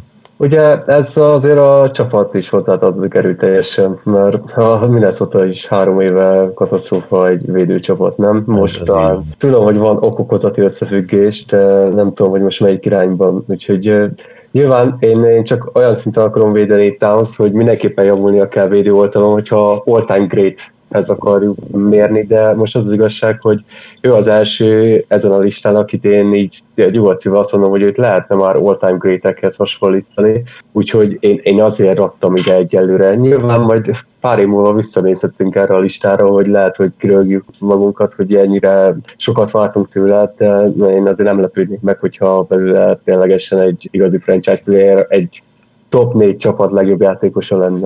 Én sem, bár hozzáteszem, hogy ugyannyira nem, nem lepődnék meg, hogyha ő lenne a következő Amare. Tehát szerintem mind a kettő. Az is benne van, igen. Szóval Amara az egy jó hasonlat. Bár ő, ő is azért volt a liga legjobb játékosa között ott pár évig. Ugye ott nem lett volna sérült, akkor ki tudja. De ha nem lett volna Nes, akkor is ki tudja. Mert azért ott az... Gyuri, te hogyan vélekedsz róla? Én nem most kicsit elgondolkodhatott az Amari uh, hasonlat, mert azért neki volt pár olyan playoffja, ahol konkrétan azt csinált Duncan ellen, amit akart, tehát azért az, de mindegy, ez egy régi történet.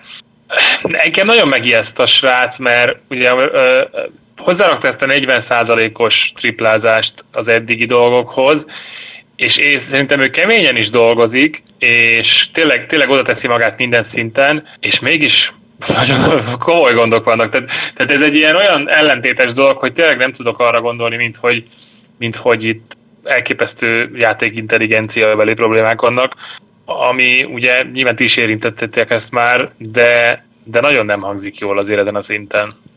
Tehát nem tudom, én, én, én félek tőle, én nem írtettem, mert ugye a jelenlegi helyzet, a jelenlegi tehetség, a jelenlegi tudása alapján simán itt van, tehát de, de valami nagyon nem stimmel. Tehát hogy mondjam, erre mondják azt, hogy valami nagyon nem stimmel, nem tudok rájönni, mi, de valami nagyon fura. Igen, és az a baj, hogy ha támadásban is próbálunk hibát keresni, ami, ami lehet, hogy nehéznek tűnik elsőre, akkor két olyan terület van, ahol neki sokkal jobbnak kéne lennie, és mind a kettő olyan terület, ahol a játék intelligencia megint játszik, tehát a faltok kiharcolása, ami neki ugye idén 4,6, ha csak tényleg a fizikai adottságaira, vagy akár ugye például a tavalyi usage rate is, még ha azt is, amellett is érvesz, hogy idén ugye alacsony a usage rate, tavaly is ötször tudott odaérni a büntető vonalra, ami nála nem, azért nem annyira erős, és ugye az assist a játékszervezés terén is elmondhatjuk ezt, tehát még ebben a szempontból is kicsit hasonlítom elére, hogy ott is azt érezted időnként, hogy hiába rak be 35 pontot a, a közösbe,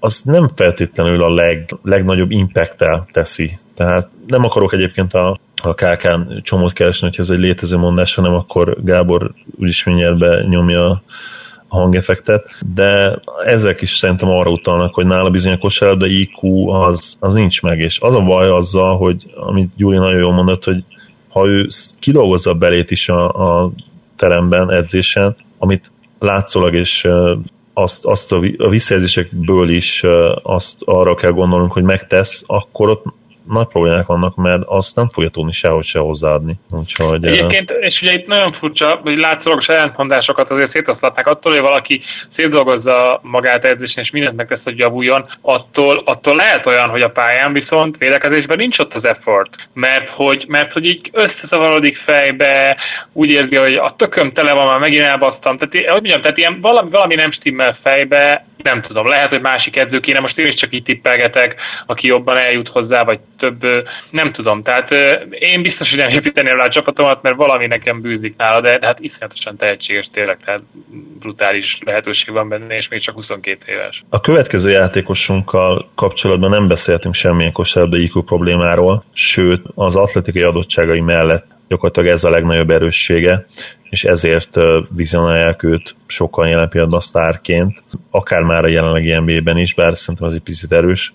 Ugye Ben Simmonsról beszélek, aki a Sixers oszlopos tagja, és akkor mondom is, hogy hol, hova rangsoroltuk őt. Gábor nálad Simmons harmadik helyre került, Daninál negyedik helyre, Gyurinál harmadik helyre, nálam hatodik helyre került, hozzáteszem, hogy legszesebben magasabbra rangsoroltam volna, majd elmondom, hogy miért tettem erre a helyre. Hát szerintem most mondd el, mert akkor abban tudnánk vitatkozni, mert egyébként ugye most az, hogy végig soroljuk Simons erősségeit, azt szerintem fölösleges, a hallgatók is tisztában vannak vele, viszont hogy miért, miért csak hatodik, mi az, amit nem látsz benne, vagy annyira hiányolsz egyelőre? Én a, azt gondolom, hogy a mai ligában jumper nélkül nagyon nehéz lesz elit játékosnak lenni, és ugye itt, amikor beszélgetünk ezekről a játékosokról, a legjobb esetőséget néztem én legalábbis, és hiába van Simonsnak nagyobb esélye arra, hogy ő mondjuk elérje a legjobbját, mint mondjuk Porzingis, vagy pedig Embiid. Ugye Embiidnél nyilván itt az egészség lesz a kulcskérdés. Tehát hiába van arra nagyobb esélye, hogy ő eléri a maximumát, az a maximum szerintem nem lesz azon a szinten, mint a többiek esetleges legjobbja. És ezt abszolút a jumper hiányával indoklom. Nála szerintem soha nem lesz elit dobás, tehát azt már egyből kilőhetjük, azt gondolom, hogy ebben egyet fogtok érteni, hogy ő 0, 0 esély van arra, hogy valaha elit triplázó és büntetőző lesz. A következő kategória, ami reális lehet, az az, hogy jó dobó, szerintem erre is minimális esély van. Én nála a legjobb esetőséget jumper tekintetében oda teszem, hogy ilyen átlag, átlagos, kicsivel átlag feletti, mondjuk még ilyen Jason Kidd, de a probléma ezzel az, hogy J. Kidd azért már a pályafutása elején is rádobta a triplákat, még hogyha nem is feltétlenül estek be mindig, azért ilyen 30% környéken volt. Simons pedig hát olyan szinten van jelen pillanatban, mint shooter, hogy nem is vállal triplát, és ez szerintem a mai, mai Space and Pace ligában nagyon komoly problémákat fog okozni, főleg a play és főleg a, főleg a, a max potenciálról beszélünk. Space and Space. Space and Space. Már direkt mondom Space and Space-nek egyébként. okay.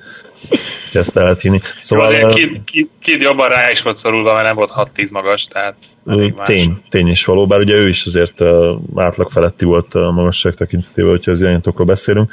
Simons nagyon jó atléta, szerintem azért nem ez a LeBron szintű atléta, akihez sokan hasonlítják, messze nem olyan robbanékony, de ettől függetlenül elit, tehát ez, ez nem kérdés, csak azért nem ez a LeBron és Shaq vagy Wilt kategória.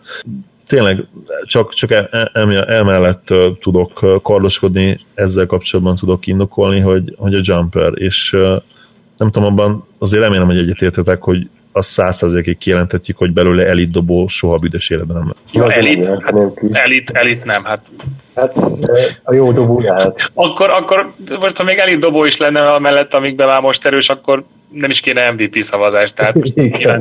De jó, elit dobó persze nem lesz. Is azért igen, még lehet. Ülnék, hogyha bedobná az első tripláját az NBA karrierjébe, tehát szerintem nem elit dobott. Gábor, te úgy érzed, hogy ő túl fog ezen tudni lépni, és, és tényleg MVP bármilyen is lesz, mert ha te a top 3-ba tetted, akkor azt hiszem kimondhatjuk, hogy nálad egyértelmű, hogy ő ott lesz minden évben gyakorlatilag a top 3-4-5-ben az MVP szavazáson szerinted, hogyha eléri a legjobbját. Ha abban pár évben még eléri a legjobbát, igen, szerintem ez reális, hogy mondjuk top 5-ben lehet rendszeresen. Más kérdés, hogy ugye Embiidet eléraktam, és hogy ez azért problémát jelenthet majd ennél a konkrét MVP kérdésnél, de azért értsétek jól, tegyük fel, hogy nincs ott Embiid. Uh, szóval, ugye azt gondolom, hogy a, mit Simons csinál, az annyira értékes az NBA-ben, és az elmúlt évek, és még most is a, uh, minden ilyen minta azt mutatja nekem, ugye őt besoroltam az atletikus, uh, atletik pick and roll kategóriába az irányítók között, amit úgy jellemeztem, hogy gyakorlatilag a betörése ilyen vagy olyan oknál fogva, de megállíthatatlan kettőzés nélkül. Szerintem most ez még nincs így ugyan, de ugye abszolút ebbe az irányba halad, elképesztően intelligens, és hogyha ez csak egy olyan középtávolít összeszed, mint amit Antetokumpo összeszedett, akkor ő sokkal-sokkal magasabbra indul, mint Antetokumpo. Tehát, és hogyha ezt az összehasonlítást megcsinálom, akkor lehet, hogy még a harmadik hely sem elég magas neki. Annyira ö, önmagában egy rendszert képvisel az, amit csinál, és ez ráadásul annyira hatékony lehet, főleg ugye, hogyha az eladott labdákat, amit nyilván egy rukinál nem fogunk itt fel, nagyon felvetni, de hogyha azokat lejjebb tudja szorítani, hát akkor én azt mondom összességében szinte a csillagosék a határ tripla nélkül is, és erre láttunk is példát, azért nem tudok kumpó még mindig példa erre, a korai James egyértelmű példa erre, nyilván régebben sokkal több példát láttunk, és ma már nagyon kellene, de ha csak egy ilyen ember van, és körülve megveszed olyanokkal, akik tudnak dobni, akkor nem gondolom, hogy ez a mai ligában ettől valaki kevésbé értékes vagy pályán tartatatlan lenne. Kétségtelenül köré kell szervezni egy csapatot, de ö, szóval ez a játék intelligencia egyébként ugye gyakorlatilag itt az egész kaszból még Jokicsénál is magasabb, azt gondolom, még ő az, aki ugye ebben nagyon kiemelkedik, tehát a, a legmagasabb, és ö, ehhez, ehhez, ez azért... Ha ez igaz lenne, akkor nem adná el négy labdát például a meccsenként. Mi újon szezonjában, mint irányító? Simán. Hát most ne hasonlítsuk már a centerhez. Nem, nem, a Chris Paulnak lényegesen jobb uh, assist turnover uh, ratio volt. De Chris Paul nem is ilyen típusú irányító, jobb. hanem ugye ő, ő, nem most a saját kategóriáját sem tudom, de hogy ő ugye izé pick and roll pass first irányító, úgyhogy persze, hogy nem ad el annyit, de ebbe a kategóriába az mindenkinek meg volt. megint. Uh, Igen? Scoring kevesebb labdáladással jár, mint, mint, a, mint a passing. Tehát ugye például nem véletlen, hogy Dörknek legendásan kevés eladott labdája van. Tehát hogyha hát- Simons első uh, Simonsnál az első az, ugye a kategóriát szerint is, hogy ő támadja a gyűrűt, akkor még kevesebb labda eladásának kéne lennie. Ez nem volt igaz az atletik kategóriára egyszer sem, de james se volt igaz, amikor Antetokumpo először irányító lett abban a, nem tudom, volt egy ilyen három hetes kísérlet, ott kb. 10 labdát adott el, tehát hogy nem, nem, ebbe a kategóriába az elején sokat adnak el, és szerintem ez pont azért van, mert az ilyen nagy darab irányítóknak, akik tudnak ki az atletikusságukkal betörni, valószínűleg még az a handle nincsen meg, de én az intelligenciát látom, főleg így, hogy ekkora hátrányban van, mert ugyan egyáltalán nem tud dobni. De hát nem kell egyetértenünk, minden esetre ez nekem kiemeli őt. Mondjuk tény, hogy nála az megnehezíti a dolgot, hogy ugye a védő is tudja gyakorlatilag, hogy dobás biztos, hogy nem jön, amiből ő ugye operál az a, azok a horgok, amiben meglepően jó egyébként, főleg, hogyha a jobb keze, ami elvileg az off keze kellene, hogy legyen, de nála lehet, hogy ez akkor az eredeti keze, ugyanúgy, mint Rubione. Ebből tényleg jól fejez be. Dani, te hogy látod ezt az egész Simons kérdést? Jelenlegi impact és potenciál szerint is. Hát e, igazából ritkán látsz ekkora irányítót. Én, én továbbra is, én, az a baj, hogy olyan nehezen tudok elvonatkoztatni erről a Magic, Lebron vonaltól, hogy én próbálom mindig belelátni. Lehet, hogy azért, mert szimpatizálok a játékával, meg ugye az egész Filivel is, de én, én mindenképpen azt gondolom, hogy belőle MVP lesz a következő tíz évben, vagy hát simán ott lesz a top 3 MVP jelölt között hosszú távon. A Magic a leg, legjobb comparisonnek, hogy ezt mondtam korábban, és LeBron nekem azért nem annyira jó, mert LeBron azért lényegesen atletikusabb volt. Jó, LeBronból egy van, és Persze, nem soha több, szóval nyilván ilyen tank, aki ekkor átugrik, sose lesz többet az NBA-be, de attól függetlenül ő ebbe a kaszt baraknám leginkább. Ja, Magic azért jó példa még, mert neki is azért a low post játéka egészen jó volt. Nyilván még Simonsnál is sokkal jobb volt. Igen, de... Magic volt még ilyen 210 centi magas irány, így ugye. Kb. Úgyhogy én, az, én igazából csak pozitív nekem, a, egyáltalán nem probléma az, hogy nem dob hármast és nincs jumper egyelőre, mert ezt azért ki lehet küszöbölni. Na, Uh, nyilván kell, úgy kell építeni a csapatot hozzá, de én úgy látom, hogy ez egyelőre nagyon jó úton halad a Fili ebbe az irányba. Nem is a tripla hiánya a probléma, mert tripla nélkül szerintem lehetne, lehet, hogy akkor összefogalmaztam. A probléma az, hogy neki ugye se középtávol sincs, de olyan szinten, hogy el se vállalja őket, igazából. És Azért kezdi egyébként. Most már igen párat bedobált, mondjuk az is inkább szerintem már ilyen majdnem low post dobások, tehát ilyen, ilyen pár, egy-két méterről dobálja ezeket a félhorgókat, amiket végül jumpernek is tekinthet. A probléma nála az szerintem, hogy, hogy a büntetőzés terén is teljesen pocsék, tehát és ugye ez, ebből az fog majd következni, hogy sokszor fogják ugye leütni, mert most is ugye a hackebben az már egy dolog, tulajdonképpen egy létező jelenség az NBA-ben, és ha, ha azt nem tudja megoldani, akkor nagy probléma, mert ez, ez nem nagyon volt igaz senkire. Tehát az MVP közül perimeter MVP közül nem nagyon emlékszem olyanra, akit, akivel ezt meg lehetett csinálni. Sek volt nyilván, aki, de hát ő ugye lóposzt játékos volt, tehát ha más nem, azt gondolom legalább az, hogy a büntetőzését az minimum ilyen 70 környékén. És te annyira Istentől elrugaszkodott dolognak tartod azt, hogy javítson a büntető százalékán? Nem feltétlenül, de hogyha összeadod a három dolgot, hogy nem csak, hogy nincsen triplája, de, de olyan szinten nincsen triplája, hogy, hogy nem is vállalhat dobásokat, és nem azért, és itt mondhatod azt, hogy nagyon okos és kiváló játék intelligenciája van, a probléma az, hogy ezt meg, megfoghatod a másik oldalról is, hogy azért nem vál a triplát, mert nulla esélye nincs a gyereknek, hogy ő bedobjon egy triplát gyakorlatilag, és ez, ez megmutatkozik abból is, hogy nagyon középtávolikat se vállal el. Ha ezt a hármat összeadott, hogy a borzasztó pocsék büntető százalék, nem vállal triplákat, mert gyakorlatilag nem is látja a gyűrűt idézőjelbe, és ugye midrange game sincsen jelen pillanatban még, hát akkor azért ez így problémás lehet, és ez nem vagyok egyedül egyébként, amellett, hogy Simons nagyon sokan kedvelik, és nagyon nagy praise-t kap, tehát ugye már most sokan ünneplik, azért most már kezdenek felmerülni azok a hangok, amelyek szerint azért ez egy nagy lyuk a játékában. A másik dolog pedig az, hogy a jó kezdés után azért erősen visszaesett, és ne felejtsük el, hogy egy olyan játékosról beszélünk, akit hát mennyit két hónapot láttunk, tehát még lehet, hogy nála is igazából várni kéne, és ezért is óckodtam egyébként attól, hogy, hogy betérjem a top 3-ba, mert borzasztó kicsi minta ez még nála. Hozzátennék, hogy ugye ennek ellenére ugye ott tartunk, hogy 17 pontot átlagol, viszont ugye kicsit ijesztő igen a visszaesés az utóbbi hónapban, de hát ez nyilván annak is bedudható, hogy éppen Embiid mikor játszik, illetve ö, nem is ez a lényeg, hanem azt akartam hozzátenni, hogy nagyon sokat van nála a labda. Tehát azért ez a turnover, ez ritka az, hogy újonc irányító 36 percet játszik, és tényleg 100%-ban, tehát nem hogy ő az irányító általában, hanem mindig, tehát full mindig nála van a labda, és, és azért ezzel a magassággal, ezzel a mozgás koordinációval, ez a négy alatti turnover még azért nem a világ vége. Nyilván ezzel mindenképpen javítani kell. Nem, nem, Nyilván ezen javítani kell. A, a triplával nekem sincs bajom abból a szempontból, ha mindig fönt van négy jó dobó, és most ebbe Embiidet is beleszámítom, mert az mellé kell mindenképpen, mert akkor tényleg borzasztó tud szervezni és betörni, amit így se tudnak. Én, én eddig is úgy átlagolt 17 pontot, hogy pontosan tudják, hogy be fog törni. Ami azért nagyon-nagyon-nagyon viccesen hangzik. Tehát ez szinte fizikai lehetetlenség, hogy valaki így átlagoljon 17 pontot, hogy teljesen feladják ki középtávolról is. Tehát ebből látszik, hogy, hogy, hogy iszonyatosan jól érzi a labdát, a gyűrűt, a mozgást, tehát konkrétan ezt az egész kosárlabda nevű játékot és a büntetőzés az, ami egyébként engem a legjobban aggaszt, de valami érthetetlen oknál fogva nem faultolják olyan sokat, nem tudom, hogy ez most így véletlen egyelőre, de mondjuk ha, ha hasonlíthatnám valakihez, Blake Griffin a második szezonjában 52%-kal büntetőzött, és azért elég szépen föltornázta, föltornázta azért ő, és ő is dobott triplát az elején egyáltalán, tehát egy olyan jellegű pálya kinézhet triplába és büntetőbe azért még Simonsnak, ami Griffinnek is összejött. És hát ugye minden másban meg azért szerintem jobb.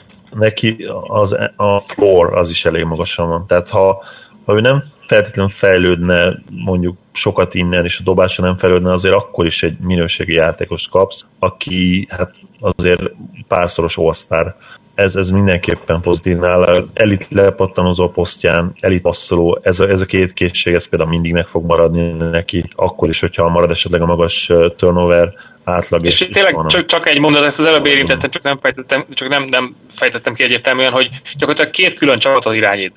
Mert azért azt, hogy tegyük hozzá, ez a, van egy csapat, ami Embiid-de játszik, és van egy csapat, ami Embiid nélkül. Tehát gyakorlatilag két külön csapat ez a Philadelphia, attól függően, hogy éppen játszik, hogy nem, hiszen teljesen más a rendszer azokon a meccseken, ahol nem következő játékosunk az én, hát valószínűleg második számú kedvencem jelen pillanatban, ugye Dörköt azért nem nagyon lehet letaszítani a dobogó tetejéről, amíg játszik, de lehet, hogy pár évig utána sem. De azért a white fülűek már kitalálták, és akik ismerik a műsorunkat, hogy képiről van szó. Azt hiszem egyértelmű volt nála, hogy top 5-ben lesz mindenkinél, nem is, tehát ötödik helynél jobb lett konkrétan mindenkinél. Gábor negyedik helyre rangsorolta, Gyuri szintén a negyedik helyre, míg Dani a harmadikra, én pedig a másodikra. Akkor kezdeném saját magam, és akkor lehet, hogy ebbe bele is tudtok csatlakozni. Azt gondolom, hogyha nála a legjobb esetőség az, az gyakorlatilag ilyen MVP szín, de hát ugye ez igaz gyakorlatilag mindenkiről már itt a top 6-ban, azt hiszem ezt kijelentetjük. Ami miatt én őt második helyre raktam, az az, hogy idén elég komoly szintet ugrott, bár mostanában nem feltétlenül megy neki annyira, de lehet, hogy ilyen kisebb sérülések is, be, sérülések is belejátszanak. Illetve ami, ami még nagyon fontos nála, hogy ő konkrétan statisztikailag megkérdőjelezhetetlenül a legjobb rim protector jelenleg, a ligában, ami azért is hihetetlen egyébként, mert hogy ő, ő nem centert játszik, hanem, hanem még mindig erőcsatárt, és ez azt jelenti, hogy sokszor ő úgymond így ilyen KG-hez hasonlóan ólálkodik ott a háttérben, és, és el kell neki azt is megdöntenie, hogy, hogy mikor segít be, és ugye így is ott van a top három blokkolók között, ami pedig a, ezt a mi is ez pontosan, Gábor, ez a statisztika, tudod, amikor dobások, gyű, gyűrűhöz közel lévő dobások százaléka, tehát hogy milyen... Nem, azt mondják uh, rim protection százaléknak. Igen, lehet, hogy egyszerű, igen, rim, rim protection százalék terén. Hát nem csak, hogy vezeti a ligát jelen pillanatban, ha jól emlékszem, hanem, hanem elég jelentősen, tehát a második helyezett az valószínűleg közelebb van a harmadikhoz, mint hozzá. Úgyhogy ez nagyon jó. Ennek ellenére nem mondhatjuk azt szerintem még, hogy elitvédő képi, mert érdekes módon nála például nem feltétlenül van meg az a játék intelligencia, ami például egy Jokicsnál megvan. Ha a kettőt összetennénk, akkor meg lenne ugye a gót játékos tényleg, mert ugye képének pont az a két, hát nem biztos mondjuk hiányosság, de legalábbis nem, nem, nem erősség, az ugye a játék intelligencia és a, a passzjáték. Ennek ellenére, hogyha a legjobbja az, az beteljesedik, akkor szerintem egy, mindenképp egy top 3-as NBA játékosról beszélünk. Meglátjuk, hogy ezt el tudja érni. Támadásban nagyon sokat fejlődött tényleg idén. Most ilyen 57%-os TS körül van, ami le, leesett kicsit 60%-ról de hát azért 25 pontot átlagol, és ott van a, a MIP, MIP esélyesek között ugye a Most Improved Player, azt mondom, mindent elmondtam róla, Gábor, neked mi a véleményed? Hát semmi, tehát hogy konkrétan szerintem jó helyen van ott a negyedik helyen, de ha valaki azt mondja, hogy harmadik, akkor abba belefér. A másodikban nem értek egyet veled, de gondolom, hogy Embiidet a sérülések miatt hátrébb soroltad, tehát valószínűleg ez lehetett. Gyakorlatilag jó helyen van, és itt azért már nagyon egyet értünk. Valószínűleg igaz lesz rá mindaz, amit elmondtál. Uh, nyilván mondhatjuk, hogy aggodalmaskodunk a passzjátékának a hiányán, de ő benne-benne van az, hogy tud annyira szervezni magának helyzetet, hogy egy idő után másoknak is tudjon, tehát itt még azzal is várnék, hogy ezt egyáltalán már most leírjuk, mert, mert van egy ilyen automatikus növekedés minden franchise playernél, nem csak az assist számban, hanem ilyen szempontból impactban is, hogyha megkapja a franchise playerhoz járó usage-ot, és ő most idén megkapja, úgyhogy biztosan el fog indulni egy ilyen úton. Nyilván nála is a sérülések azok, amik kicsit problémásak, de én is igyekeztem ezt le, annyira kevésbé nézni, amennyire csak lehet. Én annyit tennék hozzá, hogy igen, én kezdtem ezzel ugye, hogy a sérüléseket a legkevésbé nézem, de én ezt úgy értettem, hogy, hogy, hogy akár a mostani sérüléseket, akár a múltat, tehát akár így, elmondom, mire gondolok. Nekem vele a testalkatából kifolyólag van sérülésbeli problémám, és nyilvánvalóan a mai, mai uh, liga, mai orvostudomány az máshol van, mert ugye azt mondanom kell, hogy jó, talán Rick Smith volt az egyetlen, aki így azért hosszú karriert tudott, de ugye ilyen nagyon magas testalkattal és, és stabilan. Én úgy érzem, hogy, hogy, hogy már most jönnek ezek a kisebb ilyen apró sérülések, ugye, mert ő franchise play, playerként rendelkezik ezzel a testalkattal, tehát azért elég sokat fog kapni, már hogyha marad ez a franchise player, és ilyen 25 pontos scorerként fog funkcionálni, tehát nagyon sokat fog kapni. Én szerintem első szezonjával kiadott 10 másodikban 16-ot, én szerintem idén még többet fog kiadni, és, és engem ez, ez, ez nagyon frusztrál, de megint csak ott vagyok, hogy ne legyen igazam, én, én nagyon félek ettől a történettől. Ettől függetlenül meg igen, nekem is azért ez az egyetlen problémám, hogy, hogy, hogy egyelőre fekete lyuk, tehát így szervezésben nincs annyira ott, de, de hát így is kérdése volt, hogy nálam a top 4-be benne lesz, tehát, és kifejezetten kedvelem is, tehát mondom, én, én, én inkább ezt a testakadbeli problémát féltem, csak nagyon, nem konkrét injury history, hanem maga a testalkatból adó kérdések. Dani, te is úgy érzed, hogy 7-3 és a felett az rá is igaz lehet, hogy nem lehet egyszerűen fizikailag képtelen arra, hogy hosszú karrierje legyen? Én ezt nem mondanám, hogy nem képes rá, én is aggódok amúgy a sérüléseim miatt. Én a passzjáték hiánya miatt egyelőre egyáltalán nem aggódok, az úgyis jönni fog idővel. Ha, ha normálisan lesz kezelve az edzők által, meg a csapattársak is olyanok lesznek, én emiatt nem félek, Dörk is így kezdte, aztán az egyik legjobban passzoló magas lett, még ha az asszisztjain nem is feltétlenül látszik. Igen, jó, hogy említetted, én is akartam ugyanezt mondani. De a sérülései miatt azért aggódok, mert tényleg ez Egyelőre a... azért vigyáznak a perceire nagyon, csak hát a kérdés, hogyha ezt te egy komoly eredményt akarsz elérni, akkor többet kell majd játszani, mint 30-37 két perc. Igen, meg ugye az idején X nélküle, hát... Hát igen, ezért lehet most még elmegy, volt. meg lehet tetgetni is, meg minden majd, de majd meg kiderül két-három év múlva lesz értelmes csapat, amikor azért ott már komolyabb lesz a teher.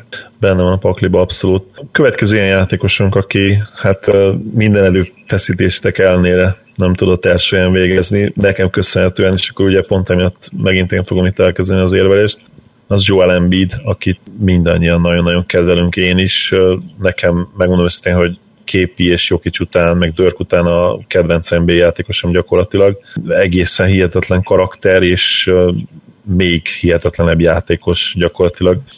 Kiváló humorérzékénél gyakorlatilag csak a, a tudása nagyobb pályán. A problémám vele itt az volt, hogy ugye sérülés és sérülés, hogy uh, miről beszélünk. A legnagyobb probléma az Embiiddel szerintem, és, és azt gondolom, hogy itt nálam még kevésbé tudok emiatt optimista lenni, mint képén, annak ellenére, hogy ő, ő ugye nem 7-3, hanem 7-1 magas, amivel azért voltak játékosok, akik hosszú karriert futottak, ugye David Robinsonnak gyakorlatilag ugyanez volt a magassága, de Seket is említhetnénk, aki szintén 7 láb 1 incs magas volt. És ráadásul szerintem Embiid egyébként nincs is 7, nem is 7 1, hanem inkább 7 láb. Nekem nagyon úgy tűnik a pályán. A probléma az, hogy ő ugye komoly sérülésekkel ballott már eddig is, és, és olyan sérülésekkel, amik egy kombinációból adottak szerintem, amennyire én laikusan átláttam, az az, hogy neki egy nagyon komoly tömege van, még így is, hogy most leszállkásodott.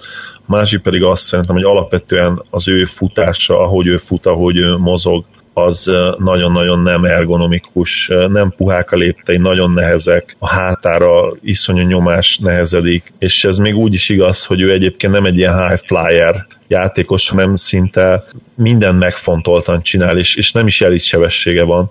Ennek ellenére elit atlét egyébként, mert hogy nagyon hosszak a kezei, és nagyon erős, meg, meg hát elit lábmunkája van, ami, ami szintén valahol az atletikusság része. A probléma az, hogy nála sokkal nagyobb az esély arra szerintem, hogy season ending sérülésé legyenek, és tényleg ez a, sajnos a nagy súlyából és, és abból adódik, ahogy ő mozog a pályán, ami annak ellenére sem ergonomikus, hogy a lábmunkája egyébként kiváló a posztjátékot illetően. Ne, nehéz tényleg, nek, számomra legalábbis nehéz azt vizionálni, hogy neki hosszú uh, karrierje lesz. Remélem, Azért esni, esni elég szépen megtanult, tehát az, hogy ugye Igen, ez a pozitív, meg az is a leérkezéseket azt valamennyire. Persze ezt nem lehet elkerülni egy, egy nagyobb blokknál, ugye ha leérkezel valakinek a lábára, Igen. vagy rosszul érte, de a körülményekhez képest nagyon jól megtanult esni.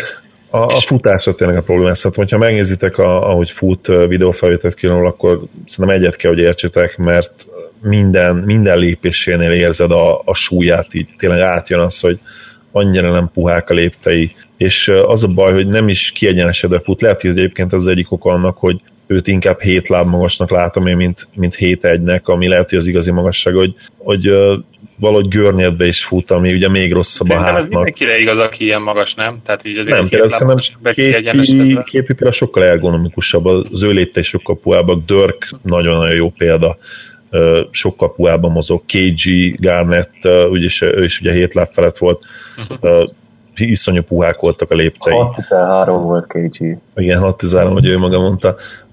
Még akár Dan Carroll is beszélhetnénk, aki nem volt feltétlenül annyira, hogy is mondjam, elegáns, de, de mégis tehát kiegy, kiegyenesített háttal futott, és, és olyan puhák voltak a léptei. Valahogy Embiidnél egyáltalán nem ezt érzem, nem tudom, Gábor egyetértesz ezzel kapcsolatban, hogy, hogy a mozgásával mi a helyzet? Hát ez szerintem túlzás. Nem, nem biztos, hogy túlzás, csak hogy most szerintem mindenki értse azt, hogy nem azt mondtad, hogy kifejezetten uh, mozgáshibás, mert ez nem, nem igaz rá. Viszont... De a lábmunkája például elit, csak hát ma, igen. inkább maga a futással, meg tényleg ahogy, uh, ahogy a posztápokon kívül mozog. Tehát ahogy megkapja a labdát, akkor inkább úgy mondanám, hogy a labdával, a mozgással hibátlan, amikor low post játékban van, de amikor labda nélkül mozog, akkor én, én abszolút úgy érzem, hogy hogy ez nem, nem ergonomikus, és, és az a baj, hogy az ő test alkatával és test súlyával szerintem ez probléma. Ráadásul ugye az ő injury historiával, ugye, ami hát nem csak hogy csont problémák, de most már hát probléma, meg tér problémák is voltak ebben. Szerencsére krónikus sérülése egyelőre továbbra sincs, tehát nincs olyan, ami visszatért. Meg nem tudjuk, hogy mennyire biztonságosan ültették ki, tehát most Igen. Tehát, hogy mondjam, tehát lehet, hogy tudott volna játszani, lehet, hogy az még megártott volna neki, de az is lehet ám, hogy ilyen extra-extra óvatosak voltak vele, és, és azért a, nem a minden, ami pozitív lehet, ugye nem, nem gyógyult rendesen a csont sérülése, mind a két évben azt hiszem ez volt a probléma. Ami még esetleg ilyen mencsvár lehet, és reméljük, hogy ez volt az ok, hogy még növésben volt. És ugye azt mondják, hogy amikor növésben vagy, akkor ezek a sérülések, a csontsérülések nehezebben gyógyulhatnak, mert hogy folyamatosan változik a, magának a sípcsontnak is a, a hossza, ugye, hogy ezek a növekedési zónák még nem zárulnak be. Remény, reménykedjünk, hogy ez volt, mert egyébként ha Embiid, Embiid-től megfosztana minket, az élet, az, hát az nekem nagyon nagy szívfájdalom lenne, és szerintem mindannyiunk nevében beszéltek, mert szerintem jelen pillanatban az NBA legérdekesebb játékosa mindent egybevetve. Hát én azt is mondanám, hogy a legnagyobb tehetsége. Tehát, hogy egyszerűen ne, ne menjünk már szó nélkül amellett, hogy idén lehet, hogy már most az évvédője díjat így neki adnám, legalábbis én, de azt tudom, hogy nem vagyok egyedül, több szakíró. Emellé, hogyha most egy pillanatra elvonatkoztatunk attól, hogy lehet, hogy meg fog sérülni, hogyha ezen a listán valahogy sorrendet akarunk állítani, és elképzeljük Embidet max potenciálban, fullban, hogy minden összejön, és mondjuk a tripláját is összeszedi, és a labda eladásait is visszaszorítja, akkor ez torony magas első. Tehát ott a Antetokumpostól minden estől együtt torony magas első, olyan szinten, hogy szerintem az all-time top 10 játékos. Tehát, hogy itt olyan ö, tehetségről beszélünk, akinek a sérüléseken kívül szinte alig kell valamit elkerülni és összerakni ahhoz, hogy all-time greatness legyen, hogy ö, meghatározó játékos lehessen. És sajnos ezért fontos az, amiről beszéltél, hogy, hogy most akkor ezek a sérülések hogy fognak menni, mert nem csak az az érdekes, hogy ő hogy tittelget, meg ilyesmi, én örülök neki, de a pályán mutatott teljesítmény az lenyűgöző és elkápráztató számomra. Így van, bár mondjuk hozzáteszem azt, hogy uh, például Antetokompónak a, ugye a defensive ratingje, meg a defensive real plus minus is magasabb erőcsatárként, ami azért uh, számomra nem azt mondja például, hogy Embiidnek kellene kapni a, az évvédője díjat, hogyha ugye a legnagyobb riválisa a listánkon például erőcsatárként is jobb védekezésben gyakorlatilag, szóval azért ezt is szerintem mérlegelni kell, de egyébként igazadon, tehát a, a centerek között egyértelműen a legjobb two-way játékos már most jelen pillanatban, ami azért hihetetlen, hogyha azt veszük, hogy ez a hányadik szezon, a harmadik szezon, hogy az első kettőt teljes egészében kijötte. Akkor ez a második, úgymond. Oda, ugye 31-et játszott. Igen. Amit én hozzátennék mindenképpen, és azon mindenki gondolkodjon el, figyelembe véve azt, amit most Gábor mondott. Egyébként arra vicces ránézni, hogy percbe kb. ugyanannyit játszik, mint KP, és kiadott meccs is egyelőre ugyanannyi náluk nagyjából. De amit én mindenképpen nagyon fontos, és nem, nem beszélünk róla eleget, hogy ez, amit itt látunk Embittől a pályán, ez írd és mond nulla perc edzéssel van a csapattal együtt tehát ő nem edz. Tehát ez a négy turnover nagy résztelnek is köszönhető. Persze ez ugye megint csak visszavezet a sérüléshez, hogy annyira óvatosan bánnak vele, hogy, hogy, hogy alig tehát csak egyéni munkát végez, speciális edzéseket, stb. stb. De ez a 3,4 assziszt, meg amilyen passzokat látunk tőle, ha ez tényleg összejön azzal, hogy összeszakik a csapattársakkal, és ugye lesz benne annyi perc kosárlabda, hát akkor ez tényleg nevetséges. Tehát az ember edzés nélkül játszik így. Hát nem is tudok mit mondani. Igen, az ő, ő gyakorlatilag kicsit olyan, mint hogyha Tánc és Jokicsot ötvöznéd bizonyos szempontból. Tehát nem, De hogy még akkor egy jó védőt is tegyél oda, Zoli. Tehát, hogy legyen egy harmadik, egy jó védő is. Uh, igen, uh, valóban. Tehát mondjuk akkor ötvözzük uh, Towns, kit mondtál harmadiknak? Mondjuk Miles Turner simán, tehát hogy ő, őt még vegyük hozzá. Őt is lehet mondani, tehát uh, igen, egészen hihetetlen mondjuk tényleg szerintem annyi hadd az, hogy védekezésben szerintem túlértéket, tehát ha csak a centereket nézed, defensive real plus minusba tizedik helyen van, tehát azt gondolom, hogy ha például ebből a statból indulunk ki, az elmúlt években a, a, akik megnyerték ezt a díjat, nem csak, hogy ott voltak a top 3-ban, hanem ha jól emlékszem, majdnem minden alkalommal vezették ezt a listát, és sokszor torony magasan, tehát azért szerintem az erős, hogy mondjuk a, oda kéne adni neki a Jó, csak közben van egy olyan on-off mutatója, hogy, hogy megörülsz, tehát ilyen 12 ponttal jobbak védekezésben fenn van a pályán, az félelmetes. Az nagyon durva, olyat nagyon kevesen produkálnak, ott még Kawai-jék sem produkálnak olyat. Jó, persze, de ez ugye az is kell, hogy pocsék védőtársai legyenek, egy pocsék egyeni védők, ugye Simons sem jó védő még őt. Ez nem teljesen igaz, meg Covington meg kifejezetten elit védő, de igen, azért ott vannak hiányosságok, az tény, de azért nem egy ilyen Minnesota, vagy nem tudom. Ahol Saric se túl jó védő. Persze értem egyébként, amit mondasz, ennek ellenére is azért, hogyha, hogyha konkrét RPM-et nézel a centerek között, hát akkor is azért ő negyedik helyen van, tehát Nyilván mondjuk Úcsevicset kilőheted előle, mert ő azért outlier egyértelműen, de ott van azért Kazinsz előtte, Jokic előtte, és Dramonnál sem feltétlenül sokkal jobb. De persze egyébként értem, hogy mondtok, és tehetségben kimagasló egyértelműen, és nem tudom például, hogy mondjuk Kazinsz tudnám azt mondani, hogy a legjobb 2 játékos, valószínűleg nem. Tehát ki a legjobb 2 játékos? Embiid.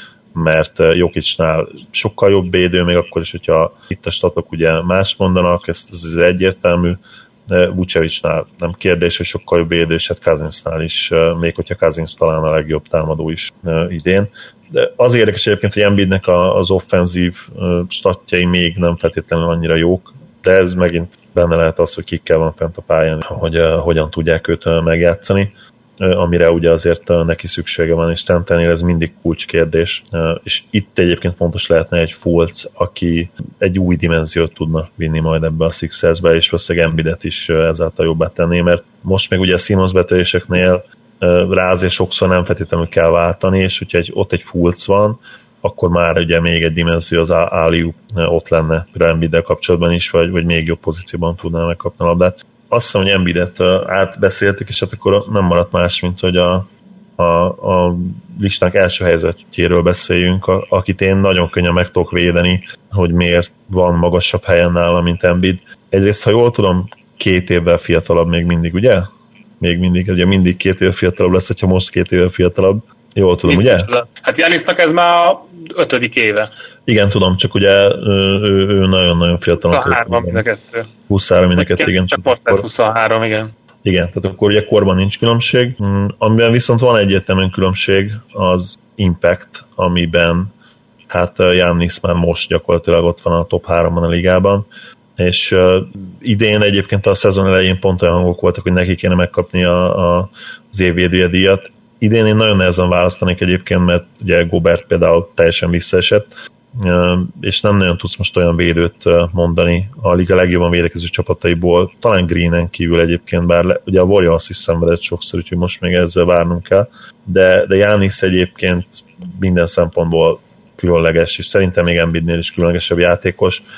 Ő egy, egy kicsit olyan, mint hogyha ötvözted volna LeBron mondjuk KG-vel, és tényleg az utolsó dolog, ami hiányzik a játékából, az, az a tripla, és nála szerintem lényegesen pozitívabb dolgok vannak ebből a szempontból, mint Simonsnál, mert ő már azért az újon szezonjában is el, el, eleresztett egy-két középtávolit. Idén, ha jól tudom, ő nem is dobja talán annyira rosszul őket.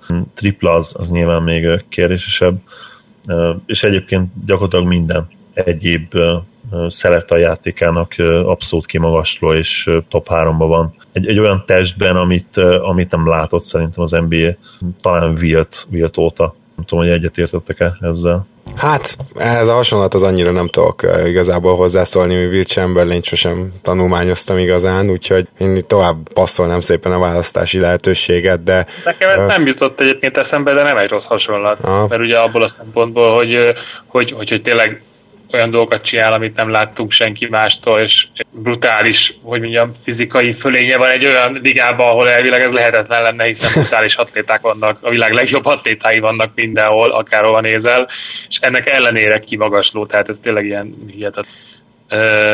Én elmondom, miért tettem Embiid meg egy második helyre, mert én, én, nem, én nem látom, hogy ebből valaha lesz akár közepes jumper is annak ellenére, hogy imádom a srácot, imádom nézni, tehát Philadelphia után pont Milwaukee meccs volt a leginkább, amire idén rá voltam kattanva, de nem tudom, hogy ebből hogyan lesz valaha dobás. És ennek ellenére így is MVP esélyes lesz, tehát amit elmondtunk Simonsnál, az itt duplán igaz, és ugye a büntetők még jobban is élnek.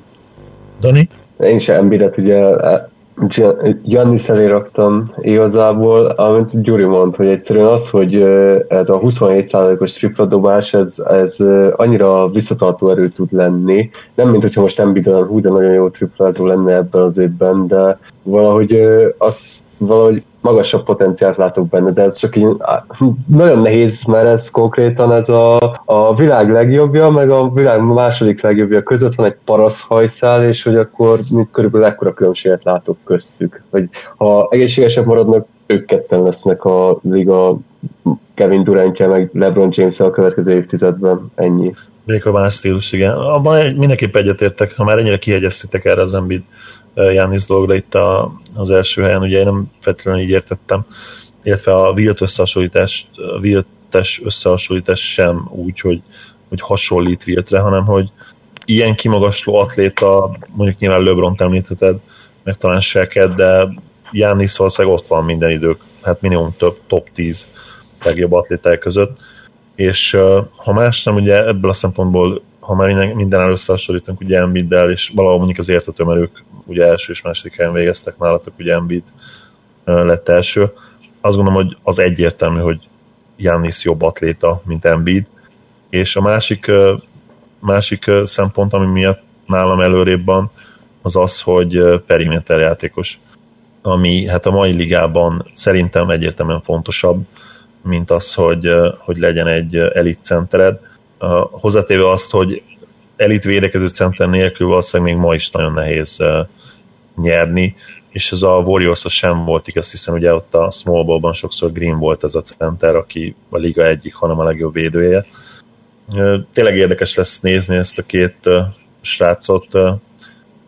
Azt gondolom, hogy ilyen pillanatban egyértelműen Jánisz előrébb jár, ugye ez nem is lehet kérdés, lényegesen több pontot átlagol, lényegesen jobb hatékonysága, lényegesen jobbak az advanced statjai mind támadásban, mind védekezésben, tehát ez jelen pillanatban nem összehasonlítás, de hogyha azt vesszük, hogy Embiid legjobbja mennyire lehet jó, ott, ott már igen, valóban árnyaltabb a kép, és, és engem se sokkolna igazából, hogyha, hogyha Embiid jobb játékos lenne, illetve hogyha valamilyen sokkal, akkor nyilván azért, mert ugye az azt jelenteni nyilvánvalóan, hogy, hogy ő nem csak, hogy egészséges tudok maradni, de, de hát ilyen Iron Man lett belőle, mert Jannis másik hatalmas előnye az az, hogy 80 meccs alatt nem nagyon játszik, tehát nála eddig ezt beúszhattad, és ebből a szempontból is inkább hasonlít LeBronra, úgyhogy ez, ez a másik erős érv szerintem mellette Embiid-del kapcsolatban, mert hogyha Embiid még egészséges is marad, akkor ő valószínűleg úgy lesz egészséges, mint Shaq, tehát hogy egy ilyen évi 15-20 meccset ki kell hagynia,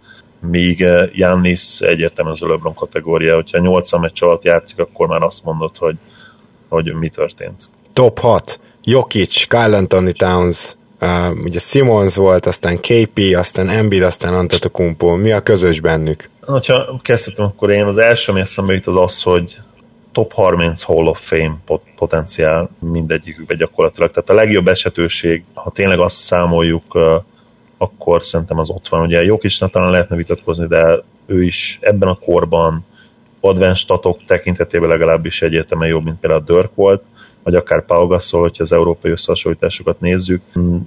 Egyébként meg tényleg ez, hogy mindannyi, mindannyiójukat oda várjuk majd top 5-be az, az ilyen évi MVP szavazásokon, amikor ugye a Durant, Curry, vagy ugye még előttük LeBron féle korosztály kimegy, bár lehet, hogy LeBron tovább fog játszani, mint Embiid, vagy nem Igen, tudom. ezt sose tudhatjuk. Gyuri, szerinted mi a közös Jokicsban, Carl Anthony Townsban, Porzingisben, Simonsban, Antetokounmpo-ban, Embiidben?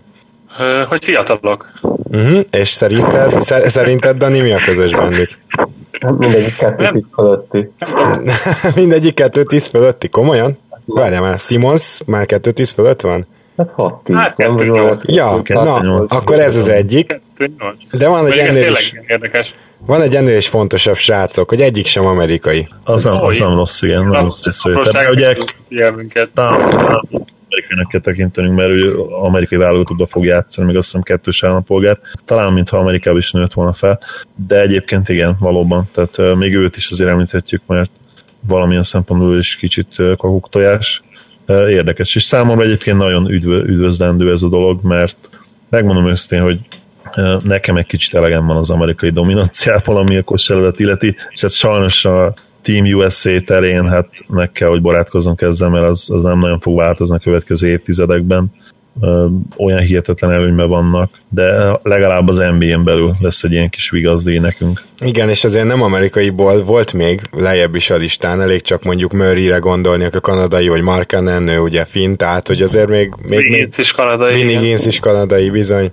Én azt gondolom, hogy egy picit azért végig sorolhatjuk még azt a pár srácot, aki most itt kimaradt, mert mondjuk senki nem fért el a 15-ös listára, és ez azért lenne fontos, mert nagyon sokan, gyakorlatilag mindannyiunk mondta, hogy az utolsó 4-5 hely az egy ilyen tízes csoportból lett kiválasztva, szóval azt gondolom, hogy azokat az említésre méltóakat mindenképpen soroljuk fel, akik akár ott is lehetnének egy kis képzelőerővel, mondjuk a, mm, hát nem is a top 10-ben, de a top 15-ben mindenképp. Nem tudom, Gyuri, neked van-e esetleg ilyen lemaradt a Nekem van listádról? listám, de az az érdekes, hogy most így visszagondolva, nekem még ebből a listából is kivanat Lonzóból és Markanen. Lehet, hogy igazából, ha jobban belegondolok, felülbírálnám, de az én ilyen négy nehezen kihagyottam, az ugye Kuzma, ugye Miles Turner, akiről beszéltünk, Gary Harris, aki nekem ugye nagy kedvencem, és még mindig nagyon fiatal, és most meg fog lehetni titeket szerintem az utolsó, de én abszolút Jabari Parkerbe bizonyos szempontok szerint bízok, mm. és a, akkor még, akkor, még, akkor még valakit ide vennék még, aki ugyanez a kategória, és benne legalább ennyire én ebben a két illetőben még bízok, a másik az Dante Exo. Én, én szerintem abszolút össze lehet őket még rakni. Nyilván, ha jövőre ugyanitt vagyunk, és még egy szezon elment, akkor az már ott vízválasztó, de nekem még nem jött el az a pont. És Jabari iszonyatosan hatékony támadó volt tavaly. Tehát ez a, szerintem az ő mai ligára is alkalmas teljesen egy támadógépként, és akár lehet jobb, mint Andrew Wiggins. Én a Exum picket ezt semmiképp nem tudom megvédeni, azt, azt ötletem sincs tényleg, hogy, hogy miért lenne akár a top 20-ban, de lehet, hogy inkább top hát 30-ban. Hát tavalyi szezon végé az, az, az, az, az, neked ki, nagyon jó volt az utolsó egy-két hónapban. Hát, ez nagyon rövid, kicsi sample size volt, ugye, és ugye nem csak az, hogy a legjobbja sem túl jó Exumnak, leszámítva nyilván ilyen pár meccset, amit nem lehet komolyan venni azért, mint minta, hát ő nagyon-nagyon sérülékeny is, tehát most már második évben gyakorlatilag azt hiszem a tavalyi év előtti év, ugye az újonc szezonját is teljesen ki kellett hagyni, a súlyos, azt hiszem hát, akkor is, 82 meccset. A második hát, év, ja. ugye? Igen, igen, igen. igen, igen idén megint sajnos uh, season ending, tehát az, az úgy necces. Egyébként a draft előtti uh, állapota az, az nagyon, nagyon jó volt, és a, a draft stockja hiszem, egy ilyen late bloomer volt, vagy nem is late bloomer, bocsánat, mert nagyon fiatal volt, hanem inkább ilyen, hogy szokták hívni azokat, akik később kerülnek rá ugye a térképre. Az a late bloomer az jó. Lehet, hogy igen, lehet, hogy a late bloomer, inkább late bloomer más, de, de értitek, miről beszélek, tehát, hogy ő, ő sokáig nem nagyon volt ott a, a lateriben, aztán ugye végül, végül nagyon magasra került, és ha jól emlékszem, ilyen hetedik helyen draftolták? mint ha az nem, nem, ötödik, ötödik. Ötödik, ötödik pláne, tehát ugye még magasabban. Ebből a szempontból is komoly potenciált láttak benne. Az NBA-ben szerintem ő eddig csalódás, és persze ez részben az ő hibája csak. Parket még könnyebben talán meg tudom védeni, mert nehéz ugye a sérülésé miatt őt is rátenni egy ilyen listára, mert ugye kétszer ugyanaz az ACL szakadt el, ami azért ma is probléma, mert ha egy ACL, mint mondjuk Smithnek, az még nem feltétlenül, de hogyha kétszer ugyanaz a láb, azt szerintem már nagyon kérdőjeles, mert ugye nem nagyon tudják, tehát valamiből toldozni, foldozni kell ma is még, és hát ez, ez arra is rávilágít, hogy neki is a mozgása, vagy a leérkezés, és róla is csináltak egy ilyen rosszhoz hasonló videót, ott problémás. Akit még én ide helyeznek egyetemen, és nekem is ott volt a, a bő, bővebb listámon, bár én ugye nem írtam le ezeket a 15 és 20 közöttieket, csak 15-ig írtam, de ugye gondolkodtam az alsó fejeken, az Gary Harris, aki, mm, akiben valószínűleg úgy is van komoly potenciál, hogy, hogy egyébként nyilván az ő legjobb szintje az annyira jó, mint, mint a mostani listánkon akár a top 7-8-9 környéki játékosok. Ettől függetlenül azért ő egy All-Star szintű játékos lehet egy nap, és hát tulajdonképpen az All-Star számai már tavaly megmondtak, érveltünk emellett, csak ugye akkor még a csapat tényleg nem volt meg. Meglátjuk, hogy idén szóba került a neve, bár hogyha valaki a Denverből szóba került, az nyilván azért előtte Jokic lesz. Más nekem úgy nem maradt én, ki egyébként. Én csináltam azért egy olyan kategóriát, mert elhangzott itt korábban Jonathan Isaac neve nekem, ő abban a kategóriában van, ami a too early, hogy bármit mondjunk. Tehát nekem ide tartozik Jonathan Isaac, a Darren Fox, és Frankie, Frankie Smokes, vagy Frankie Tilikina, aki mondjuk most is már brutálisan jó védőnek tűnik, tehát ha csak ezt fogja hozni egész karrierje alatt, akkor is 15 év neki garantálva van, de ezek a too early kategóriák. Gyorsan mielőtt Gábornak és Daninak átadjuk a szót a végén itt. Franken gondolkodtam én is, első még támadásban, hogy azért nem mertem rárakni ilyen 15. Homer helyre.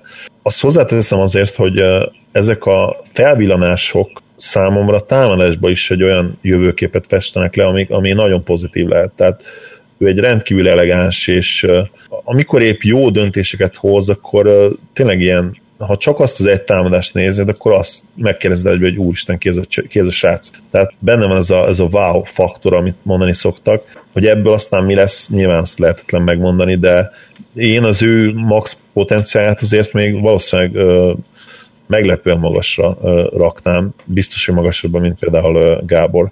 De lehet, hogy ez azért is ugye van, mert nem csak az, hogy én nagyon sok Knicks meccset néztem, hanem nyilván hajlamosak vagyunk arra, hogy a, a legszebb megmozdulásokra emlékszünk mindig egy játékosnál, és emiatt lehet, hogy túlértékeljük azokat, akiket többet nézünk. Ugye egy ilyen 22-es csapdája, mert azokat tudod jól értékelni, akiket sokat nézel, de valószínűleg őket is fogod kicsit túlértékelni. Dani, nálad mi a helyzet, kik maradtak le erről a listáról?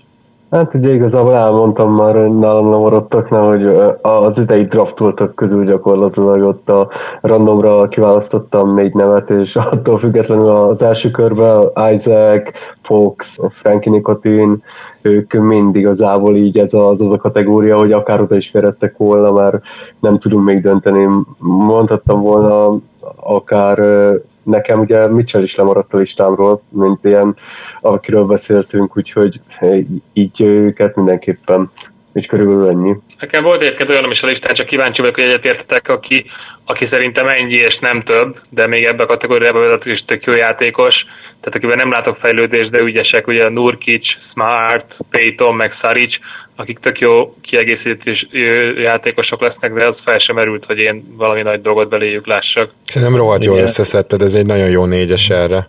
Igen, ott ugye a high ceiling az, az hiányzik egyébként. És van, van egy olyan kis csoport is, akikkel még nem tudok mit kezdeni, mert lehet, hogy egy csapatváltás jót tenne nekik.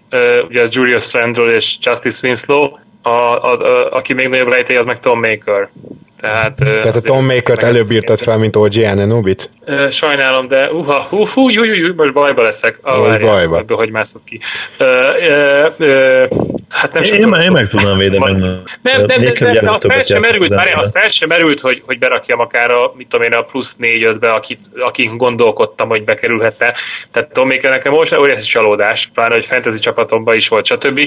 De, de, de ilyen enigmaként enigmaként az kerül. Igen, tehát az ő fizikai adottságai mellett ezzel nem lehet elmenni. Tehát ha azt egyszer valahogy összerakja, ami nyilván egy nagyon nagy ha. is nekem eh, eredetileg aztán. Meg hát ugye megmondta, azt hiszem Paul Pierce mondta, vagy nem, ki mondta, hogy uh, Maker MVP lesz?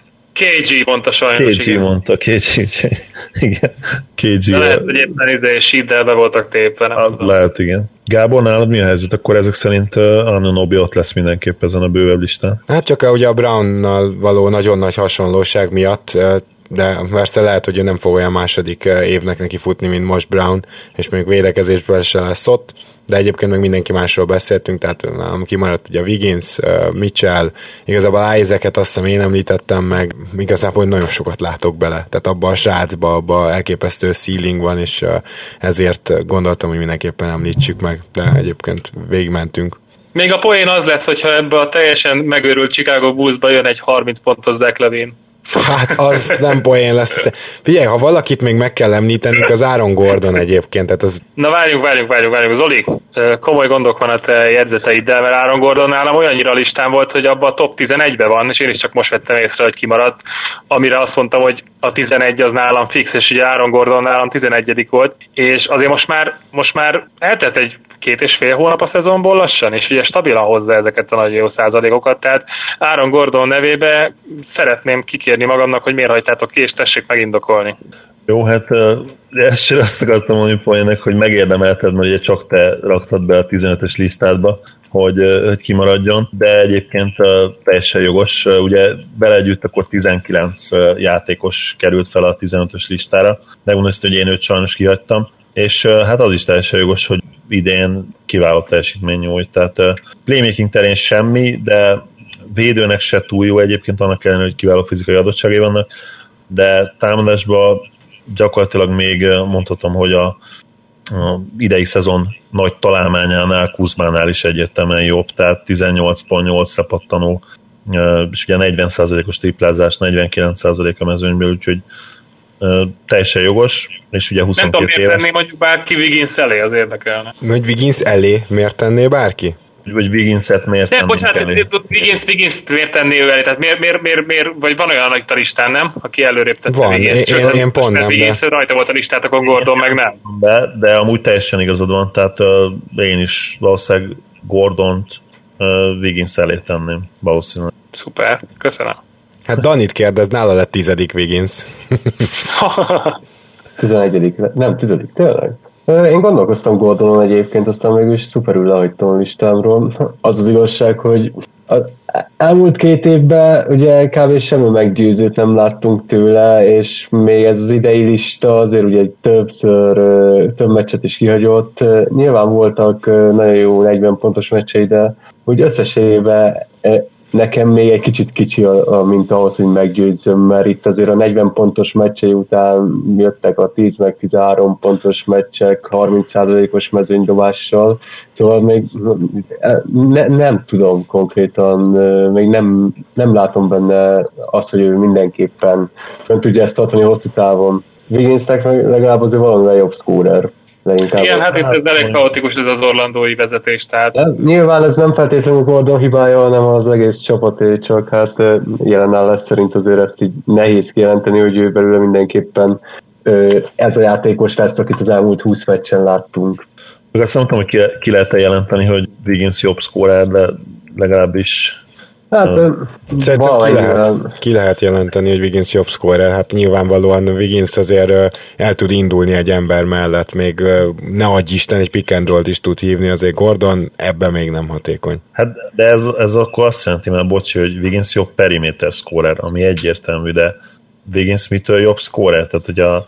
Hát mert többféle dolgot tud, és uh, azt szerintem nagyjából, hogyha Gordont rákényszerítenéd arra, hogy így a kezében legyen a labda, akkor ugyanúgy leesne a hatékonyság. Hát, de nem kell rákényszeríteni, tehát megint, amit elmagyarázol, az azt jelenti, hogy mint ha átfordítom, hogy ha Gordonból periméter játékost akarná csinálni, sokkal rosszabb lenne. Hát nyilván. De érted, hogyha ő be tud dobni 18 pontot per 36-ra, 20 pontot 60%-os ts aminek uh, Wiggins az életbe a közelében nem került, hmm. akkor uh, mit ér a sok most, Nézem, hogy az elmúlt 16 meccs óta, mióta az Orlandónak vége lett ez a hat streakje, azóta gyakorlatilag 44%-kal dob mezőnyből Gordon és 32%-kal tripláról, és gyakorlatilag eh, majdnem annyi eladott labdája van, mint asszisztja, 8-nál kevesebb lepattanója, úgyhogy ez a oké, hogy 17 és fél pontot átlagol, de azért Wiggins ennél hatékonyabb scorer. És most már azért... A hatékony, az semmiképp ne tett hozzá, mert az biztos, hogy nem igaz. Tehát sok oldalúbbat, az oké, okay, de hogy hatékonyabban 49%-os TS-sel, az nagyon hát, erős. Ez, ez se sokkal több, mint 49%, sőt. Oké, okay, de például Gordon azért ennél szerintem a mostani Wiggins százaléknál tavaly is szerintem lényegesen jobb volt már, és egyébként Gordon nem sérült mostanában, tehát a nem de most sérült, fel. most, most éppen sérül, de, mondom, de azért ezt felhozni maradjuk... az elmúlt tíz mintát, tíz meccses mintát, amikor nem is játszott. Na jó, csak akkor tíz meccses mintával indultak ki, mert azért az első három évében ő azért minden volt, csak nem szkórált. Uh, Szerintem. Hát, oké, okay. nem volt uh, olyan játékos, amikor odaadható a kezébe a labdát, de a hatékonyság akkor is jobb volt, mint most Wigginsnek. Tehát ez, és nyilván nem azt mondom, hogy tavaly például jobb score volt, mint a tavalyi Wiggins, vagy tavaly előtt, mint a rookie Wiggins, mert az nyilván nem feltétlenül igaz, de Wiggins sok oldalúságát díjazni jelen pillanatban szerintem túlzás, mert annyira pocsék, hogy ez is hátrány igazából, hogy sokféleképpen tudja nem megoldani a helyzetet, tehát ez kicsit, persze ez egy örök vitáról lehetne egy egész műsort csinálni, ezzel Gáborral is volt már egy vitám ezzel kapcsolatban, hogy most akkor ugye ki a jobb scorer, meg shooter, meg mi számít uh, scoringnak, shootingnak, majd lehet, hogy erről fogunk külön beszélgetni de az biztos, hogy Wiggins idei játék az beértékelhetetlen vállalatokban, és nyilván a listánkra se azért került fel, akinél felkerült, mert hogy idén milyen, hanem mert még ennek ellenére megvan. Persze, ezt beszéltük. Azt hiszem elmondhatjuk, hogy egy ilyen gigantikus hosszú adás végére értünk. Ezt most csak így most rögzíteném, hogy egyébként december 28-án vesszük fel, mert hogy az hodziár, hogy ez nem 2017-ben kerül ki, úgyhogy kedves hallgatók, ezt halljátok, és van még olyan utalás, ami ilyen idén, és az úgy 2017-nek tűnik, az azért van, mert az is. Most járunk egyébként több mint három órás nyers időnél, úgyhogy ez szerintem nektek is már valószínűleg legalább egy két és fél órája fületeken van ez a podcast, így hát kaptok egy számot, mondjuk mondjuk 7-8-1, ezt kell beírni, hogyha esetleg végig velünk tartottatok, és hát nagyon remélem, hogy, hogy élveztétek ezeket a fejtegetéseket, illetve nyilván azért az is fontos, hogy ezeket a játékosokat minél jobban megismerjük, ne csak azt, hogy rangsoroljuk, mert hogy a jövő az, az ők, róluk fog szólni az NBA, mondjuk 5 év múlva már, de 10 év múlva meg egészen biztos, hogy csak le nem sérül valaki, úgyhogy remélem, hogy akkor is majd visszatudtak erre az adásra így hallgatgatni, hogy mit is gondolt gondoltunk akkor, vagy én akkor mit gondoltam, én, aki hallgatta ezt, és hát nagyon szépen köszönöm a Ball Don't Lie regénységének, hogy eljött és velünk tartott ma. Köszi szépen akkor először is Gyuri, hogy, hogy itt voltál, mert ugye veled nagyon nehéz volt összeegyeztetni, mert utaztál itt mindenfele, arról is lehet, hogy lehetne egy külön podcastet csinálni, de, de nagyon Igen, mert voltam kb. Floridában egy öt vagy hat high school meccsen is, tehát így Minden volt szabad délutánjaink. Ami elérhető volt. Igen, például izé, Rod Stricklandnek mind a két fiát láttuk, nézegettem végig, hogy nem ül ott valahol lelátón, de ja, voltak érdekes dolgok, meg pár egyetemi meccsen is, NBA meccs az most nem jött meg össze. Két ligás meccsen is volt, nem? Igen, igen, igen, a Lake, Lakeland Magic, ugye, ami az Orlandónak a ligás csapata. Yeah, viccelt, hogy a... csak, csak a általános iskolás meccs maradt ki, ami a szarkos eredet illeti. Akkor ezért nem feltétlenül kellett majd Gyurinek kiutazni, de hát ugye nem ez volt a fő cél. Igen, igen, igen, nem ezért. De azt, mielőtt elfejtem, én is köszönöm a lehetőséget újra, hogy visszaléphettem a Rivalda fénybe.